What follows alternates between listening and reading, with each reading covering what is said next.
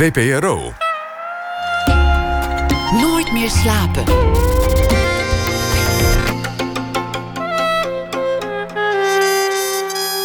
Met Pieter van der Wielen. Goedenacht en welkom bij Nooit meer slapen. De kans dat je ooit de loterij wint, die is al best klein. Meerdere keren winnen, dat is er toch echt wel iets heel raars in de hand. En dan heb je ook nog de andere buurman.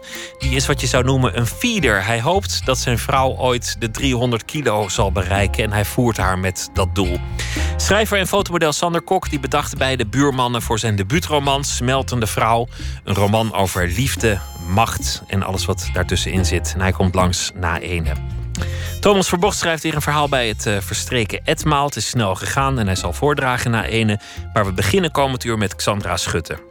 Zij is uh, hoofdredactrice van De Groene Amsterdammer, maar ook beheerder van de literaire nalatenschap van Duska Meising.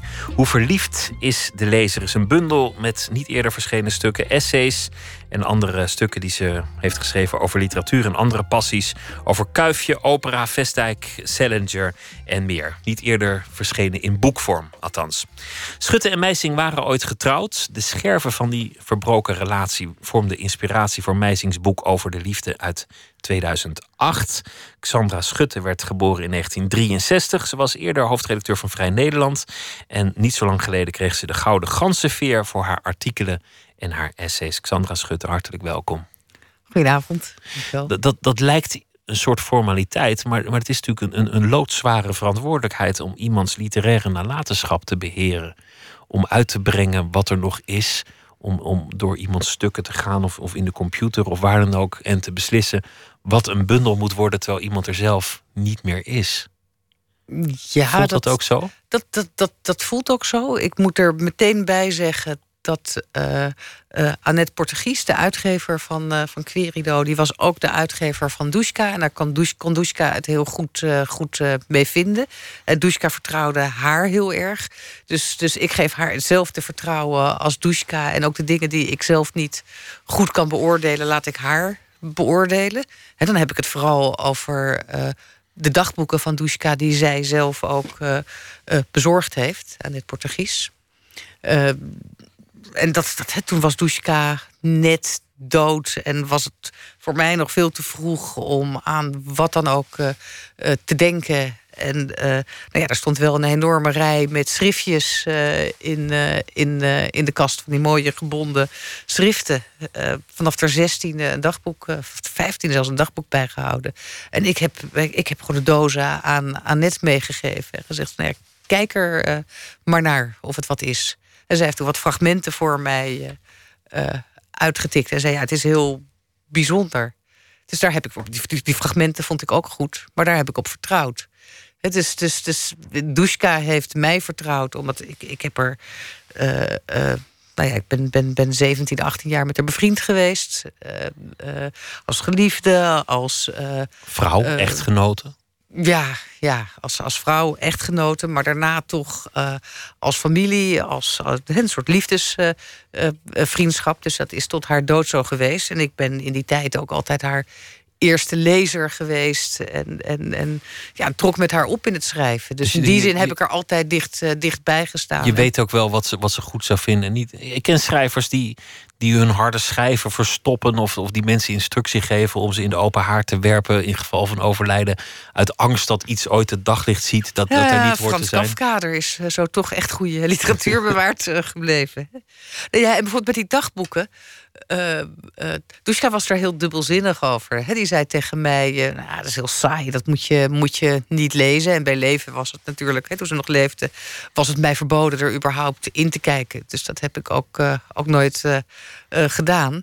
Maar ze zei: dus het is heel saai. Maar tegelijkertijd zei ze ook altijd, en, en zeker toen ze aan het eind van haar leven gezondheidsproblemen begon te krijgen: ja, daar staan mijn dagboeken. Dus toch wel met het oog op dat iemand ze ooit ja, zou lezen. Dus ik, ik, ik, ik, ik, denk gewoon dat ze dat uh, gewild had. En dat is natuurlijk nu met die uh, uh, bundel beschouwingen die uitkomt. Ja, dat heeft ook iets dubbelzinnigs. Omdat ze, toen ze leefde, heb ik haar toch meermalen gesuggereerd. Moet je niet gewoon zo'n zo'n zo'n zo'n boek maken met je beste essayistische stukken? Want die zijn. De beste zijn echt heel erg goed. Nou ja, daar wilden ze niet van, van weten. Maar tegelijkertijd uh, laat het zo mooi zien wat de bronnen van haar schrijverschap zijn. En je ziet, dit is ook een mooie logische stap na uh, die dagboeken, omdat in die dagboeken uh, zo beschreven wordt. hoe Dushka schreef op van kinds af aan, wat ze las, welke schrijvers haar, haar grepen. En ook bij die beschouwingen zie je dat ze ja, met die schrijvers haar hele leven heeft opgetrokken, om het maar zo te zeggen. Het gaat over een leven als schrijver, maar ook over een leven als lezer.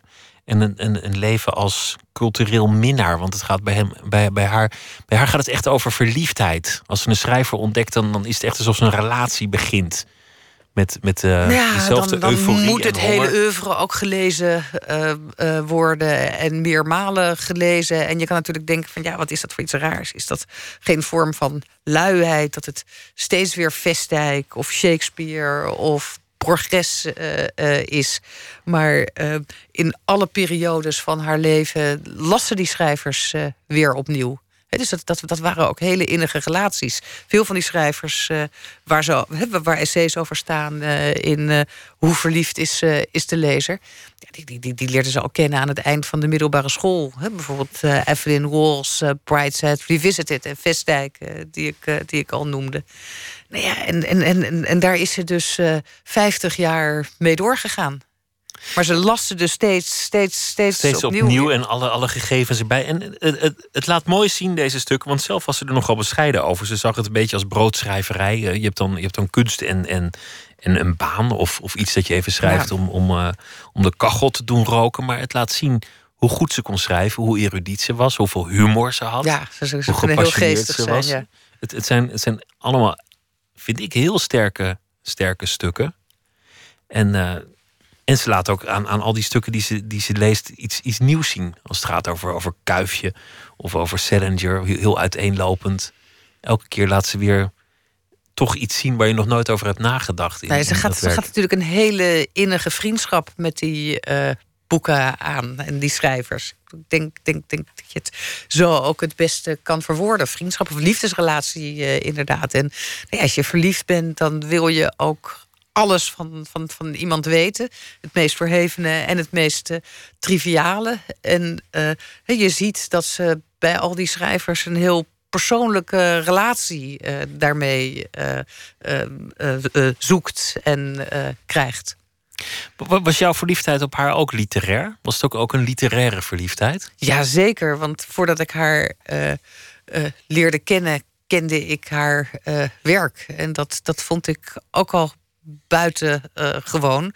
En het buitengewone, het was zeker ook dat, dat, dat, dat, dat vroegere werk, dat uh, tot de academische literatuur werd, werd, werd gerekend. En, en dat wat intellectueler was dan, dan, dan haar latere werk.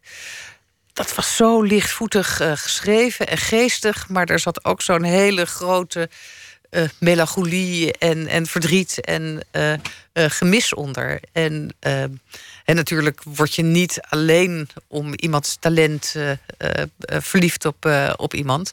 Het was ook haar persoonlijkheid. Dat het, in werkelijkheid was, was, was, was, was, was ze nog wat heviger dan, dan in haar boeken. Papier, dat is toch de meer of de meest lucide uh, Tushka, was dat. Meen je dat nou? Want ik vind, ik vind er op papier al vrij heftig. Nee, nee, ja. Dit echt, was het nog meer? Kreeg, je nog meer doucheka voor je geld? Ja, nog meer doucheka voor je geld. En het was dus ook iemand die, die, die, die, die uh, uh, uh, enorm verhalen kon vertellen en uh, op tafels kon dansen en uh, zingen, die uitbundig ongelukkig kon zijn. Ik weet dat ik er nog niet zo lang kende. Hij had een enorm dramatisch talent dat ze.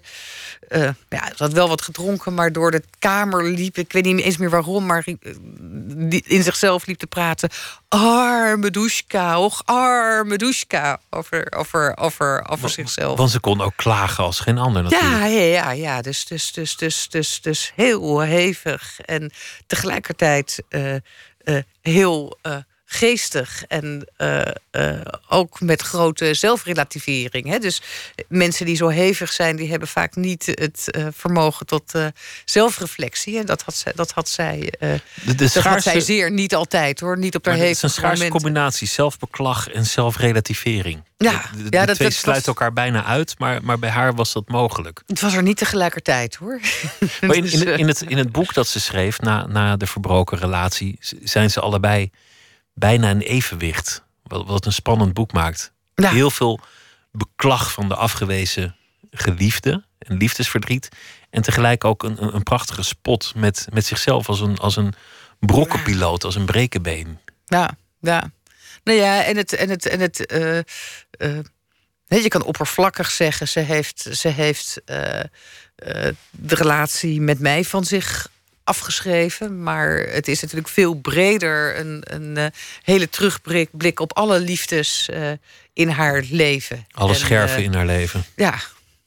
Haar broer heb ik wel eens geïnterviewd, en, en Geerten. En, en die zei dat, dat, dat hij enorm kon zwelgen in liefdesverdriet. En dat het een familietrekje was. Dat alle meisings dat hadden. Er is natuurlijk niemand die het leuk vindt om, om een relatie te zien ver, ver, verbroken worden. Ja, maar, maar, dan is ook het familietrekje dat ik denk vooral dat die twee dat, uh, dat, uh, dat hebben. Dat, waren ook allebei, dat zijn ook allebei de kunstenaars in de familie en, en, en, en de meeste hevige. Maar daar hoort ook bij het hele hevige verliefd zijn en uh, Alles het hevig. ongelooflijk idealiseren van de liefde. En als je dat zo, zo doet, de liefde zo idealiseert, dan, dan kan je natuurlijk ook, ook zwelgen in het verraad van de vrouw. Want het, het, het, was verraad in haar ogen. Jij werd verliefd op een, op een man, op een, op een collega. Uh, van, van wie je uiteindelijk ook een kind zou krijgen. En je hebt haar verlaten, de, het huwelijk verbroken. De, het is vaak zo dat de afgewezen minnaar maar één kant ziet: het slachtofferschap en, en niet de complexiteit van het hele verhaal. Degene die verlaat, die verlaat en die is zelf nooit verlaten. Zo werkt dat volgens nou. mij als, als, als cliché. Maar vervolgens is het ook literatuur en zegt ze: Ik ga er een boek over schrijven. Wat, wat, wat vond jij daar toen van? Ze heeft, ze heeft het me voorgelegd. Ze, de, de, de, toestemming gevraagd. Ja, ze heeft toestemming gevraagd. En uh, we hadden al een soort standaard grapje met, uh, met elkaar: alles voor die kunst. Dus ja, dat heb ik ook gezegd. He, dus, dus, dus de kunst gaat voor, voor, voor, voor alles. Dat is een ook... moedig standpunt van je. Ja, maar uh, het, het feit dat zij mij toestemming vroeg uh, liet natuurlijk ook zien dat die relatie. Uh, ik bedoel, er is ontzettend veel uh, turbulentie geweest en die relatie is veranderd. Maar we zijn altijd heel innig met elkaar verbonden gebleven. We woonden samen. Nou ja, we hebben de etage boven ons gekocht. Tushka is, is uh, boven mij gaan, gaan, gaan wonen. ze heeft ook mede voor mijn zoon gezorgd. Daar was ze ontzettend blij mee. In het boek, het is natuurlijk een sleutelroman, maar het, het ligt volgens mij relatief dicht bij de waarheid. Maakt ze zich daar nog boos over? Dan, dan zegt ze de, de, dat, dat jij, of althans de, de vrouw die haar heeft afgewezen, of haar personage heeft afgewezen, vriendschap zoekt. En, en dat vindt ze dan een soort troostprijs. ja, ja. Dat is, oh, we kunnen toch vrienden blijven. Dat maakt haar eigenlijk alleen maar kwader.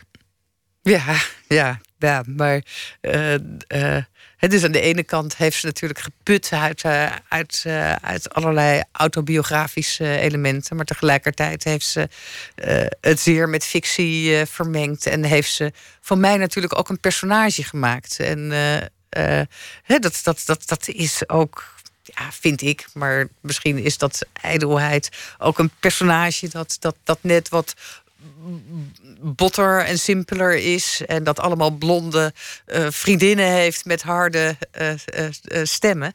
En ja, dat was de werkelijkheid niet. En een drukke baan bij de Wereldomroep, wat een mooie fantasie was. ja, ja, ja. Want, want, je werkte toen bij, bij Vrij Nederland. De, de man met wie je een, een relatie had, waardoor het, waardoor het huwelijk strandde. Dat was uh, iemand die ook werkte bij Vrij Nederland in een periode van ingrijpende bezuinigingen.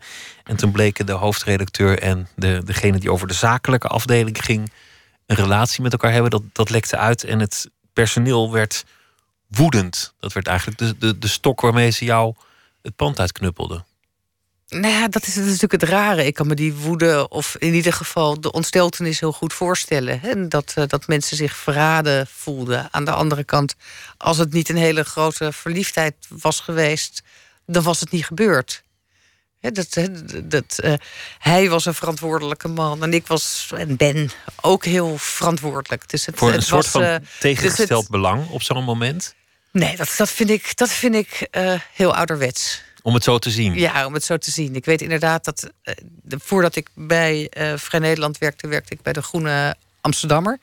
En ja, dat is een kleine organisatie. We zijn onafhankelijk, dus we doen alles zelf. Hè. Dus advertenties, werven, eh, abonnementen, administratie. Maar natuurlijk ook vooral de redactie, waar het vooral om, om draait. Maar als kleine organisatie ben je ook gewend dat alles een beetje door elkaar heen loopt. Hè, in fysieke zin. Dus dat, dat, dat je niet in totaal gescheiden ruimtes zit. En natuurlijk is er wel redactionele Maar je onafhankelijkheid. Maar toen ik daar kwam werken, toen, toen, toen eh, werkte ik eerst bij de boekenbijlagen bij eh, Vrij Nederland. En toen was er een evenement georganiseerd waarbij ik ging vertellen over de nieuwe plannen van de boekenbijlagen. En redacteuren keken me aan met een opgetrokken neus. Praat jij met adverteerders? Het is toch ook het belang van een redactie dat er advertenties in een blad staan. En ik bedoel, het zou heel Maar, maar je, erg hoeft zijn die, als je hoeft die relatie Ja. niet te verdedigen hoor. Want dat nee, is, maar dat dus die, tegen, die tegenstelling, ik vind Nou ja, dat zo- ontzettend ouderwets. Zo werd dat gevoeld. Maar, Ja. maar, maar wat ik maar probeer te onderstrepen... het moet een, moet een rommelige fase in je leven zijn geweest. Ver- Verliefd worden van, op is, een man... eh, terwijl je getrouwd bent met een vrouw... en dan ook nog een, een, een tijdschrift... waar de, waar de, de, de, de redactieburelen nou ja, op, op zijn kop worden gezet... omdat ze, dat ze daarachter komen en zich daar boos over maken. Een, een, een, een boze ex-vrouw die er een boek over gaat schrijven... en dan zelf ook nog zwanger blijken. Nou, het was niet allemaal tegelijk hoor. Dus maar een eh, relatief wel, korte ja. fase. Ik ging in 2004 bij Vrij Nederland weg. En 2008 eh, verscheen pas Over de Liefde. En toen, toen mijn zoon is in 2005 geboren. Hè, dus, dus eigenlijk heeft ze het op een moment geschreven dat het dat tussen Dat ons ook de- al een beetje was ja, tussen ons was ook de ergste turbulentie eh, voorbij. Zij is natuurlijk inderdaad woedend op, eh, op mij eh, geweest. En er is met heel wat deuren gesmeten en emmers water in mijn tuin naar beneden gegooid in haar, in haar, in haar boosheid. Maar tegelijkertijd zijn we dus ook al- altijd met elkaar blijven omgaan. En, hè, wat mooie- zij dan beschrijft over die Jula, die maar steeds vrienden wilde blijven. Ik maakte me natuurlijk ook heel erg bezorgd om haar. Want ze, zij was zo'n heftig iemand. En ik was degene die haar altijd, eh, eh, nou ja, in die heftigheid toch, toch, toch, toch, een, het toch een beetje in goede banen eh, had helpen leiden. Dus, Want ze dus, had zich ook makkelijk kunnen opsluiten of kunnen vluchten in, in drank. Of, Nou ja, precies. Ja. Nou, nou, dat deed ze ook natuurlijk. En, ja, maar en, liefdesverdriet zonder drank, dat is helemaal droefenis. Ja, maar bij de een komt dat wel harder aan dan de ander. Hè, als, je, als je gezondheid niet zo sterk is, je gaat het dan doen. Het, het mooie is dat, dat daarna, hoe, hoezeer ze dat dan ook afwees, hè, vrienden met je ex, ze, ze dat juist weer heel erg heeft gedaan. Wat je, wat je beschrijft van in hetzelfde pand gaan wonen, een, een soort, soort functie in het leven van het kind aannemen, Ja. Eh, een soort voogdij. Ja. Dat- ja, dat- nee, dat is wel- ze dat zegt ook wel over iets dat het over haar haar. aanleunwoning eh, was. En, eh, eh, nee, natuurlijk. Ik bedoel, en, maar eigenlijk was dat ook heel mooi evenwichtig. Hè? Want zij, zij hield van mijn zoon Samuel en, en, en, en genoot daar heel erg oprecht van- van. En tegelijkertijd zorgde ik ook voor, voor haar. En dan was er natuurlijk nog de de man in kwestie, Hendrik Jan Schoo. En die is inmiddels ook overleden. Ja. Wa- Waardoor je uiteindelijk in, in een relatief korte tijd twee geliefden bent verloren. Ik, ik weet dat er, dat er nog wel een beetje tijd tussen zit, maar toch relatief korte tijd. En, Ja. en een, een alleenstaande moeder bent geworden. Dus, dus het is allemaal ook, ook een soort geschiedenis geworden. Ja, ja. Ja, nee, het, het, het, het- eigenlijk is mijn leven nu heel rustig. Ik werk hard en ik, ik, ik, ik, ik, ik, ik heb een kind. En eh, eh, die jaren waren allemaal zo ontzettend turbulent. Dus ik vind ja, het harde werken, dat is niks in vergelijking eh, tot die jaren. Hoe kijk je daarop terug? Wat, wat, wat, voor, wat, wat maakt het bij je los om daarop terug te kijken? Op, op die, die, die stormachtige jaren? Ehm, nou ja, dat verliefdheid echt een gekte is. In de zin, als je, als je, als je zo verliefd uh, bent als ik was, was ik in sommige opzichten echt niet voor reden vatbaar. Dus daarom deed ik ook iets uh, wat heel gevaarlijk was. En, en, en geliefd met, een, met een collega in een situatie waarin dat eigenlijk niet, niet kon.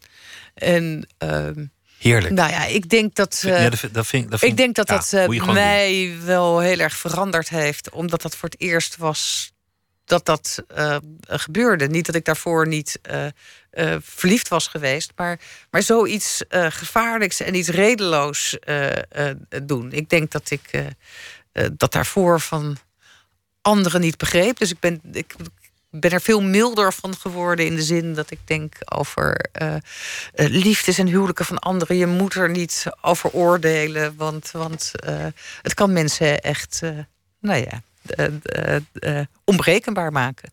En het is wat anders dan slecht of gemeen, maar. nee, en moraalridders zijn er nou wel genoeg, vind ik. Ja. De wereld heeft niet nog een moraalriddertje nodig, toch? Nou, wel denk ik. Ja? Ja, maar moraal uh, en mildheid sluiten elkaar niet uit, denk ik. Laten we, laten we gaan luisteren naar um, Lea Kliphuis, de zangeres uit Nijmegen, met een nummer You Keep Me From Falling.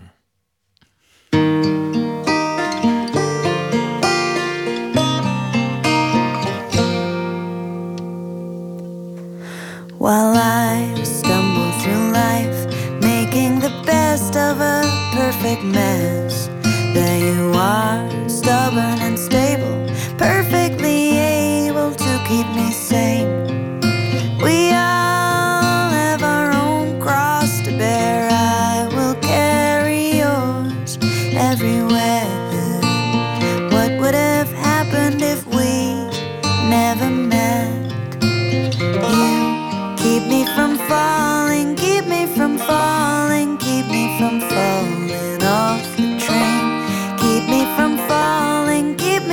falling. Gather wood,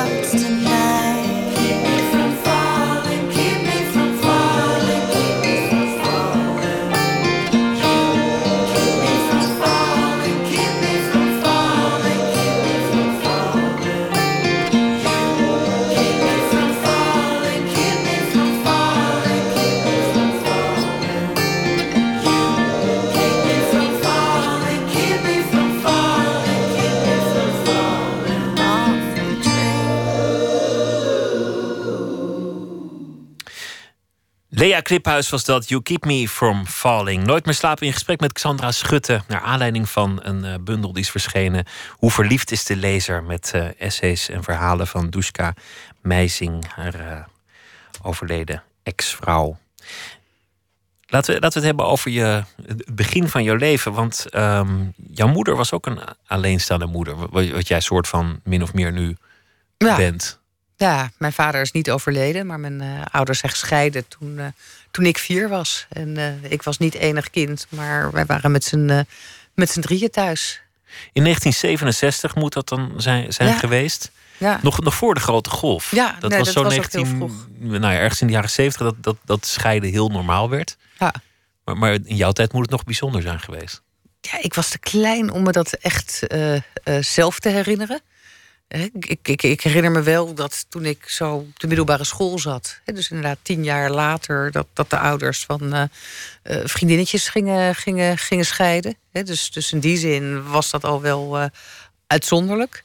Ehm, en ik weet het uit de verhalen van mijn moeder, dat er, dat er toch ehm, ja, een beetje huiverig naar een alleenstaande vrouw gekeken werd. En zij was natuurlijk ook, ook jong. Ze was dertig of zo na die scheiding nou ja, mooie vrouw van 30 werd toch al snel als een bedreiging uh, gezien. En uh, op sommige plekken minder welkom uh, daardoor. Of in ieder geval met argusogen bekeken. Hoe ging ze daarmee om? Mm, dat weet ik eigenlijk niet. Dat zou ik er moeten, moeten, moeten vragen. Nou ja, ze, ze, ze had natuurlijk ook een druk bestaan, want ze werkte. Aanvankelijk niet, niet fulltime. Ze was, ze, ze was juriste, ja, dat is ze nog steeds. Maar niet meer, niet meer met een baan. En uh, ze zorgde voor, voor ons. En uh, ik denk dat die scheiding haar ook heel uh, goed heeft, heeft gedaan. Want het zorgde voor een explosie van energie bij haar. Dus ze werd lid, dat is dan een jaar later, of van man-vrouw maatschappij. Hè. Dat, dat, dat, dat, dat, was een beetje de, de uh, intellectuele en redelijke kant van, uh, van de vroege vrouwenbeweging. ze ging in ons schoolbestuur, ze ging toneel spelen. Dus ze kreeg hippe vriendinnen met, met wie ze op vakantie ging. Het, is het, het, was ook een beetje breken uit, uit wat de jaren 50 eerst waren. Dus toch uh, het traditionele huwelijk. Dus, dus het alleen zijn als moeder, hoewel het er ook maar overkomen was, dat werd wel ideologisch ondersteund. Door, door met wie ze omging en, en de kringen waarin ze nou, verkeerde. Nee, want ze, ze, ze, ze, is nooit een fanatieke of een, een, een Niet een soort bommoeder of zo. Nee, nee, nee. Het is, er, het is er overkomen. En in die tijd was het zo dat, dat, dat ja, de... Uh, uh, aardige mannen of de leuke mannen, die waren getrouwd. Hè? Er moest echt wel iets, iets mis met je zijn als je boven je dertigste niet getrouwd was. Uh, het in 1967, 68. Dus, dus ze had wel minnaars en vrienden, maar dat, dat waren vaak ook uh, nou ja, de eeuwige vrijgezellen. Heeft ze jou iets meegegeven in de zin van je, je maatschappelijke uh, engagement en je, en je intellectuele interesse? Nou, vooral uh, uh, haar optimisme, haar kracht en, en, en uh, haar grote onafhankelijkheid. Dat je eigenlijk alles uh, zelf kan, kan, kan doen. En ja, zij had ook wel maatschappelijk engagement, maar toch, toch ook, ook minder. Ja, behalve dat feminisme heeft ze zich nooit in actie wezen of wat dan ook gestort in, in die linkse jaren. Jij ging studeren en toen werd je wel lid van het koor in, in Amsterdam. en dat, vond, dat vond ik eigenlijk wel een, een grappig gegeven. Ik weet dat, dat, dat, dat het koor heel veel gezichten heeft en dat je daar ook niet, niet alleen maar in clichés over moest praten. Maar ik kon toch de Groene Amsterdammer en het, en het, en het koor niet helemaal. Dat was ook heel grappig. Toen ik daar kwam, was ik de eerste uh, uh, na hele lange tijd die lid was geweest van het koor en die hockeyde. Dus dat deed ik ook nog. Net iets anders dan, dan, dan de anderen in die zin. Nou, weet je, het aardige was dat, dat, ik zat op de middelbare school, op een antroposofische school, een vrije school. En dat was toch ook al een school ja, die heel gemengd was. Er waren kinderen van heel antroposofische ouders. Er was uh, koorzang, theater en het was heel cultureel. en tegelijkertijd hockeyde ik. En, en ik, ik heb het eigenlijk altijd wel prettig gevonden om zo in verschillende werelden te verkeren. Wanneer werd je voor het eerst verliefd op een vrouw? Um, in mijn studententijd. Althans, dat, dat, dat, dat ik er echt wat mee deed. Op de middelbare school was ik verliefd op jongens. En, en later ook weer jongens, dus dat, dat liep allemaal een beetje door elkaar. Maar omdat, tegenwoordig denk je bij het koor ook een beetje aan banga-lijsten en, en, uh, en, en, dat, dat soort dingen. Uh...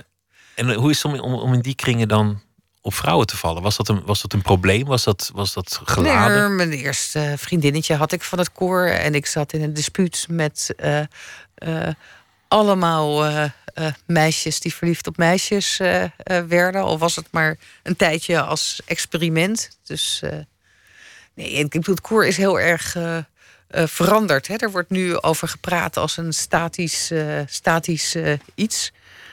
Toen ik er lid van werd in 1982, ook met grote twijfel hoor. Omdat, omdat nou, ik had niet voor iets anders gehad, maar er was niet zoveel anders als je een studentenvereniging uh, zocht.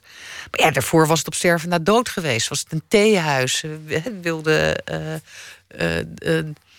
nou ja, wilden ze het van binnenuit heel erg veranderen. Kwam, er was geen groentijd, maar een kennismakingstijd. En, en het was echt allemaal heel braaf. En ik heb het wel al een beetje zien, zien, zien veranderen toen ik lid was. En dat, dat is eigenlijk maar een paar jaar geweest. En ook niet fanatiek vanaf de jaren tachtig dat de rijen voor de deuren steeds uh, langer werden bij de aanmelding.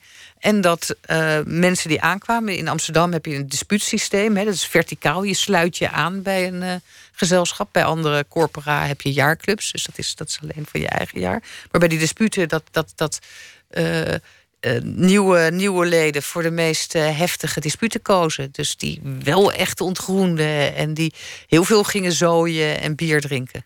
Oh, je, er was wel variatie. En dat dispuut waar ik bij, uh, bij zat, dat, dat was toen een legendarisch dispuut. Omdat het uh, een vrouwendispuut. Het was eigenlijk allemaal ongemengd. Omdat het in 1917 was opgericht. En er was ook, geloof ik, de eerste lesbische vrouw van het koor lid van. Die, nou ja, waar, waar schandalen omheen hingen.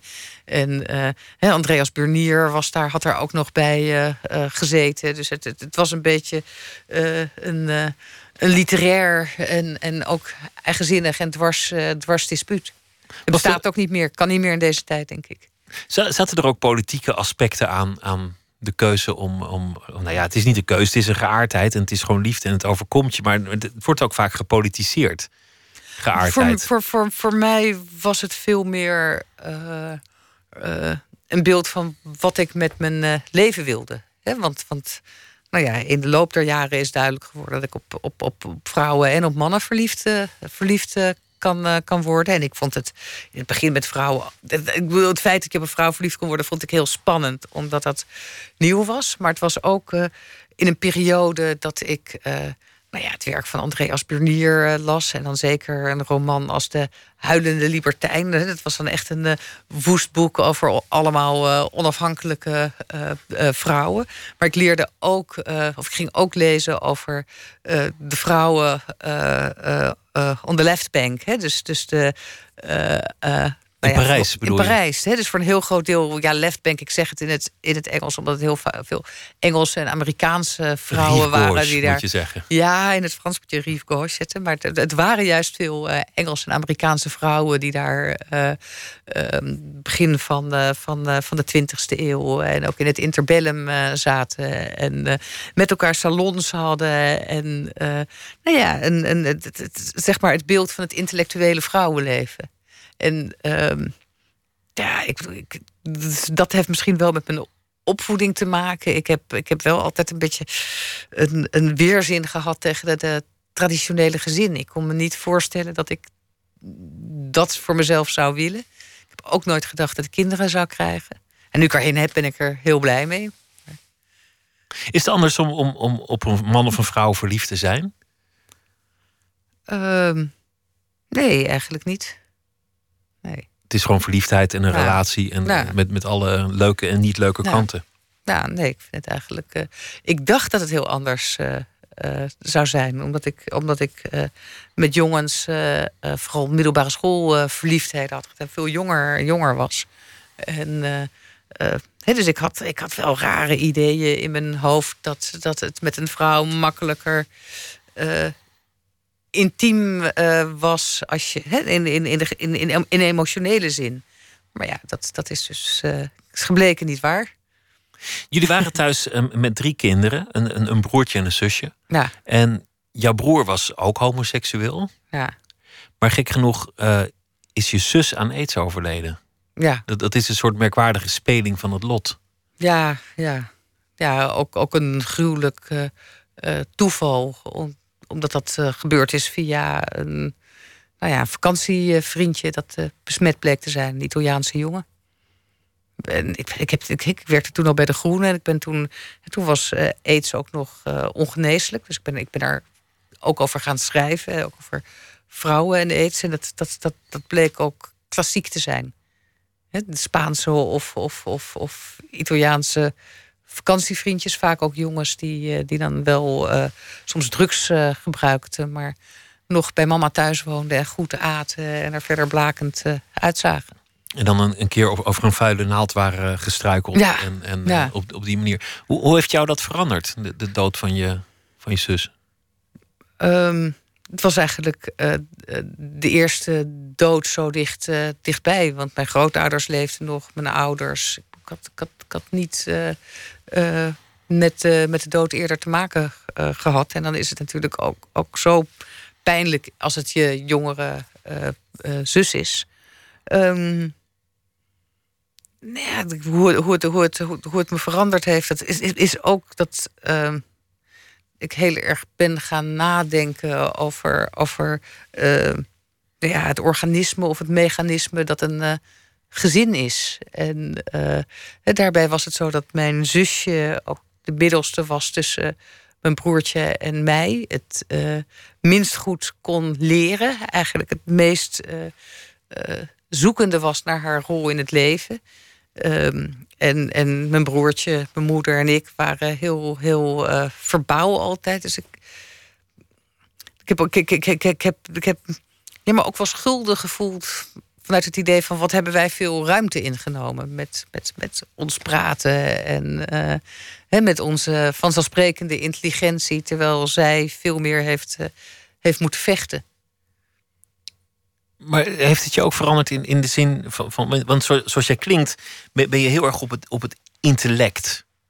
En, en rouw is iets waar het intellect vaak ook weer niet zo heel veel mee kan. Dat, is iets, niet iets dat je, dat je als een vraagstuk kunt, kunt oplossen. Of, of dat waar je heel makkelijke redeneringen tegenaan kunt gooien. Nou, het. het, het uh, uh, ja, eigenlijk ben ik voor een deel laconiek onder rouw. In de zin dat je weet dat het er is, dat het, dat het niet meteen ophoudt en dat je rouw uh, met je meedraagt. En, um, natuurlijk is er heel veel verdriet, maar het rare is als je als iemand een ongeneeslijke ziekte krijgt, zoals mijn zusje. Uh, dan weet je dat de dood komt. He, dus is een heel groot deel van de rouw er voor de dood. En ik natuurlijk uh, uh, probeer je dan van alles te doen. We hebben nog samen ook met mijn broer een, een grote reis met elkaar uh, gemaakt. En zeker naarmate ze zieke, zieker werd, dat, is, dat, is hard, dat was hartbrekend. Maar ehm, de, de, de, dood zelf was in zekere zin ook, ook, ook, ook, ook, ook een genade. als iemand zo ziek is. En, en, en, en, een, een verlossing van het aftakelen en van de pijn. Een, bevrijding van, van iets dat al lang niet meer leuk was. Ja. ja, maar weet je, ik bedoel, ik zit nu natuurlijk niet meer in de rouw. ze, is, is natuurlijk heel lang geleden overleden. Dus, dus, dus wat doen mensen uh, uh, met heftige gebeurtenissen in hun leven? Ze maken er verhalen over. En de een kan daar een prachtig literair werk van maken. En de ander kan daar meer over, over essayeren. Maar op het moment dat je er verhalen van, van, van maakt, dan uh, klinkt het misschien ook wel rationeler of afstandelijk. Of je moet weer een groot kunstenaar zijn om dat op te roepen. Dus niet voor niets verscheen over de liefde toch heel veel jaren na de heftige gebeurtenissen. Omdat iets... Dushka moest daar ook een, heeft daar ook een verhaal van moeten kunnen maken. Je moet ergens een verhaal van kunnen maken. Ja, dat, dat, dat is natuurlijk ook zo. Maar ik vraag me af of het, jou, of het jou emotioneler heeft gemaakt of kwetsbaarder. En, want je, je hebt nu drie keer grote rouw gehad in je leven. Misschien wel meer, maar, maar in, in ieder geval twee ex-geliefden. En dan ook nog eens je zus. Ja. maar, maar, maakt het je kwetsbaarder of juist sterker? Allebei. Ik bedoel, uh, uh, kwetsbaarder omdat, omdat er, het verlies en het verdriet draag je altijd met je mee. En, en, en tegelijkertijd transformeert zich dat, dat, dat ook. Doordat je de liefde altijd met je, met je meedraagt. Want die is er uh, nog. Ja, tuurlijk. Als je heel erg van iemand gehouden hebt en iemand is er niet, niet meer, of het nou mijn zusje is of, of, of, of, of een geliefde, dan ja, dan, zijn er toch alle momenten dat je, dat je, dat je beelden van iemand ziet. Dat je dat je, je voorstelt hoe iemand uh, op, een, uh, op, op, op, op een gebeurtenis gereageerd zou hebben. Of ook wel denk je maar aan een standaard grapje dat iemand maakt. Ik bedoel, natuurlijk is er dan voortdurend ook die, die liefde. Dus in die zin is er eerst de dood en daarna leeft iemand in je, in je voort. Ik, ik denk dat ik bij mijn zusje, ja, dat zal je misschien ook rationeel vinden. Maar toen zij uh, stierf. En ik was natuurlijk ook bij haar sterfbed. En toen, toen, toen, toen, toen zag ze er echt uit als iemand die dood zou gaan. En uh, ik was heel bang dat dat het beeld was dat ik altijd zou meedragen. En, dat, dat, dat, dat, dat, dat, dat is het beeld wat er eerst is. Omdat het is heel indringend om bij iemand te zijn die, die, die, die, die stervende is. Maar het uh, mooie is eigenlijk met rouw dat, dat dat gelukkig niet zo is. Ik bedoel niet dat dat beeld van het sterven helemaal verdwijnt. Maar ze is die herinnering weer gewoon wie ze, wie ze in goede doen ja, was. Ja, dus, op, dus op de mooie momenten. Op de mooie momenten en soms ook als kind. Hè, zoals je aan je jeugd kan denken. En aan je uh, broertjes en zusjes als je klein bent en dingen met elkaar doet. Dus, dus, dus, dus al die uh, uh, episoden of al die, al die tijdvakken uit het leven... Die, die, die zijn er ook weer. Je ging ooit solliciteren bij de Groene Amsterdammer, nog, nog, nog voor je hoofdredacteur en, en, en gezaghebbend journalist was. Die sollicitatie duurde één minuut. Nou, nee. Is mij verteld. De, dat ze je binnen zagen komen en, en je zei iets. Ik weet niet welke magische spreuk je uitsprak, maar ze, ze dachten: die wordt het. We gaan de anderen afbellen. Nou, het duurde niet één minuut hoor, maar wel uh, kort. Twintig minuten. Dus oh ja, nou ja. Uh, uh, ik liep inderdaad naar buiten en ik dacht, nou ja, dat was niks. Maar één minuut, het is, nou ja, mooi verhaal. Maar niet waar. Nee, niet waar, maar twintig minuten is ook kort. Later zou je hoofdredacteur worden. We, we, we hadden het net al over Vrij Nederland. Ja. Dan, dan, dan, kom je bij een weekblad dat, dat slechter en slechter gaat. Er moet iets veranderen, maar niemand wil veranderen.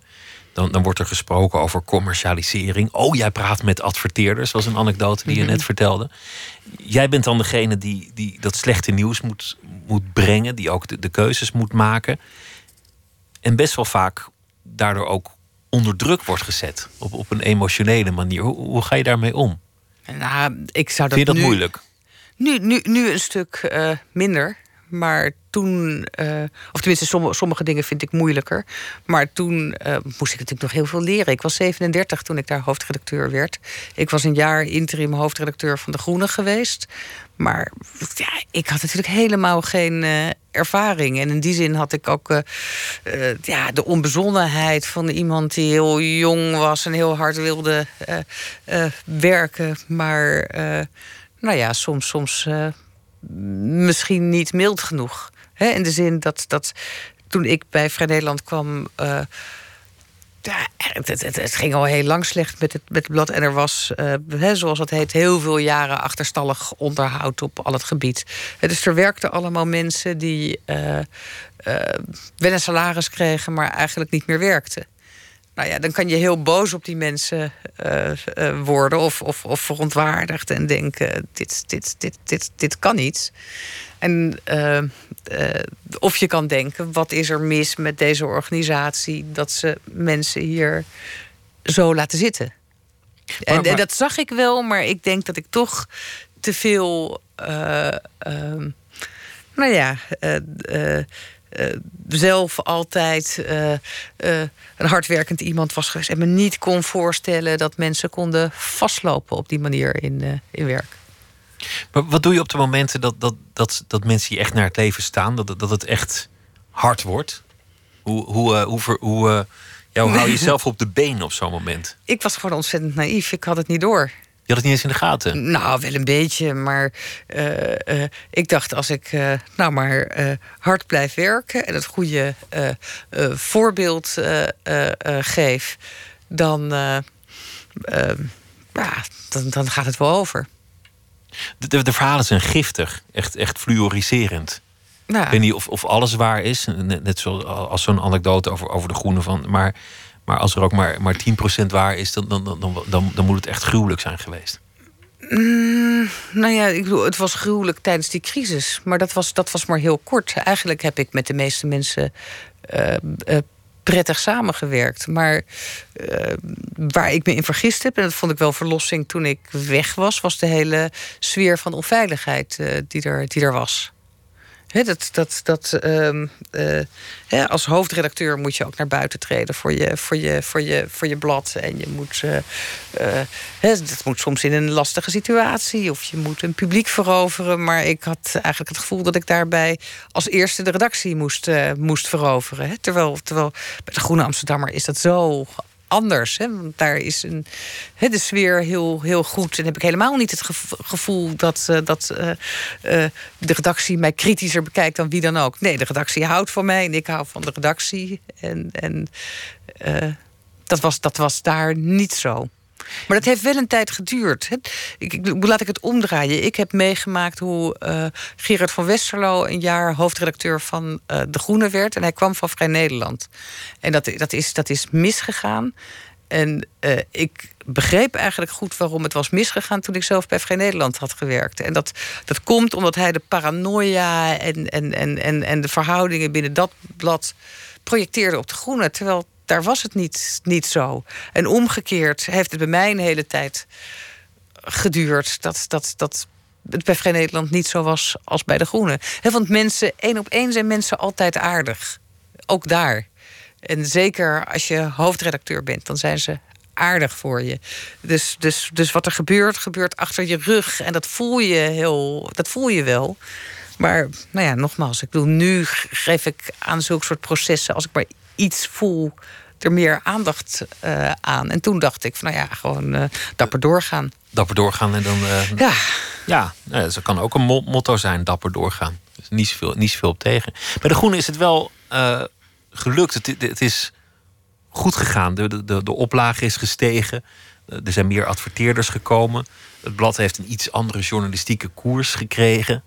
Dus, dus in, een, in, een, in een hele moeilijke markt, namelijk die van, van de, de, de weekbladen. Ja. Vrij Nederland is geen weekblad meer, maar, maar vooruit. Is het toch gelukt om, om een relatief succes neer te zetten? Ja, nou, we zijn uh, echt spectaculair gegroeid, vind ik hoor. Toen, toen, Anderhalf keer, geloof ik. Ja, toen ik kwam was de op, betaalde oplage nog niet eens 13.000 en we zitten nu op 23.000. Dus, nou. dus dat, is, dat is echt. Uh, en dat komt omdat de groene veranderd is, maar ook omdat uh, de journalistiek veranderd is. Hè? Dus dat, doordat de omgeving uh, veranderd is. Ik kan me herinneren onder Hubert Smeets, een, een, van je voorgangers. Dat, dat, dat ja, nog... mijn, mijn echte voorganger. Ja, maar die, nou ja, daarvoor zaten er ook weer anderen. Ja. Dus, dus, het is een hele trits voorganger sinds uh, 1870 of hoe lang ja, bestaat nou het? ja, er is ook een hele tijd geen hoofdredacteur geweest. Dus, oh ja, uh, ja. vrolijkheid regeert. Maar toen was de gedachte bij de Groene Amsterdammer het nieuws. Dat hebben de mensen al gekregen. Want dat komt via het journaal, via de radio, via de krant. Dus wij doen de beschouwing na het nieuws. Ja. Wat op zich een, een, een, een heel intelligente gedachte was. Toen, maar dat lijkt nu anders. Om, omdat de feiten niet meer voor zichzelf spreken. Omdat het nieuws gewantrouwd wordt en omdat niet elk nieuws meer boven komt. Ja, nou ja, eigenlijk, eigenlijk uh, ben ik dat. Uh, acht jaar, ik zit nu acht en een half jaar bij de Groene, acht jaar geleden al gaan veranderen. He, omdat omdat he, dat, dat, dat reflecteren op het nieuws, andere gezichtspunten punten aanbrengen, echt een, een, een intellectueel blad zijn. Dat is ook de lange traditie van, van de Groene. Ik weet dat ik me er ook in verdiepte. En ja, ik, toen, toen, toen het nog een herenblad was aan het begin van de 19e eeuw, waren dat heren die aan zware bureaus uh, uh, hun mijmeringen over de wereld uh, schreven. Dus het is, de Groene was altijd uh, het blad van, uh, van, uh, nou ja, van, van, van, de, van, de, van, van de denkende journalisten. En in de beste gevallen de zeer belezen en, en, en, en scherpdenkende journalisten. En wel eens een maar stuk toen... waar, waar langer dan een uur over was nagedacht? Wat, wat ja, journalistiek ja, ja, is. En, en wat ik eigenlijk ondervond. Want hè, dit was de positie die ik heel goed kende als gewone redacteur. Toen ik terugkwam, was dat ook de journalistiek uh, uh, zo versneld was. Uh, door, ook door internet, hè, doordat nieuws er 20, 24 uur per, per, per, per, dag, per dag is. dat je krijgt steeds, steeds steekvlammen. En dan word je overladen met allemaal feiten.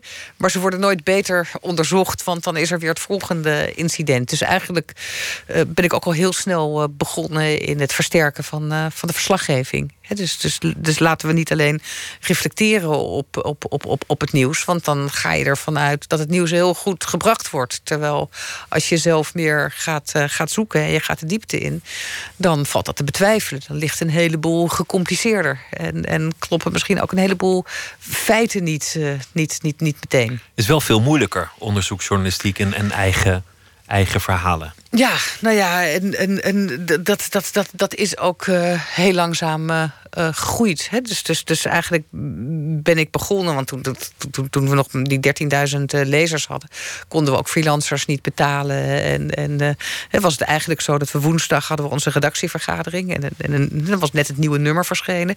En er werd er vergaderd, wat moeten we volgende week? En eigenlijk is een van de eerste dingen dat ik dat, ik dat ben gaan afschaffen. Hè? Want het is onzin dat je denkt dat je in twee, drie dagen ja, dan kan je wel, wel, wel best een aardige beschouwing schrijven. Maar uh, als je echt dieper iets wil onderzoeken en je wil plekken kijken en je wil met mensen praten, dan moet je misschien wel een paar weken aan een, uh, aan een stuk werken. En dat, dat, dat, dat, dat, dat, is, dat wordt nu over, over de hele linie gedaan. Het moeilijk in deze tijd is dat, dat, dat iedereen in zijn eigen bubbel lijkt te leven. En, en ik zelf even goed als ieder ander. En je kiest voor je bubbel. Want ik, ik reed door Mississippi vorige week met de radio aan en dan hoor ik het wereldbeeld dat mensen mhm. daar tot zich nemen. Dat is totaal anders dan wat je hier in Europa voorgeschoteld krijgt. En je kunt alles opzoeken. Dat is, dat is de grote uitdaging, denk ik, voor de journalistiek. Ja. Dat, er, dat er niet meer een algemeen publiek is.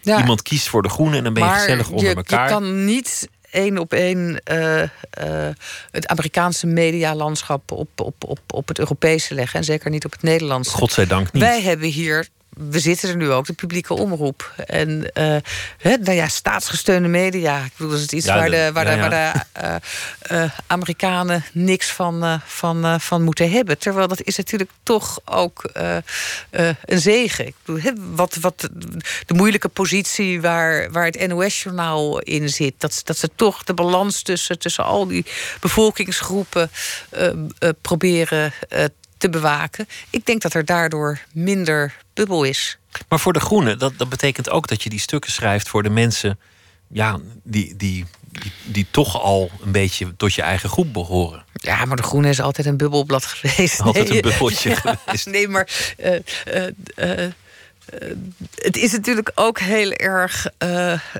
modig om dit nu te zeggen kijk naar de verzuiling. Ik bedoel, toen, toen, toen leefden we in veel sterkere uh, bubbels dan, uh, dan, dan nu.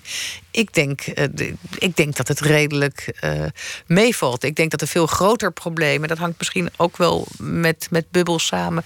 in ja, de hele westerse wereld. Het verschil tussen, tussen hoog en laag opgeleid is. En dat, dat zeker laag opgeleide mensen wegdrijven uh, van, van het nieuws. Geen kranten meer, meer lezen. Terwijl dat vroeger dan, dan, dan misschien toch nog meer een, eh, een plicht was. En er natuurlijk de concurrentie van de televisie is, uh, is bijgekomen. Mensen die helemaal geen nieuws meer volgen, maar, maar wel een mening hebben. Dat, dat is eigenlijk meer het probleem. Nou ja, die, die, die volgen het dan, dan, dan wel via televisie en, en Facebook.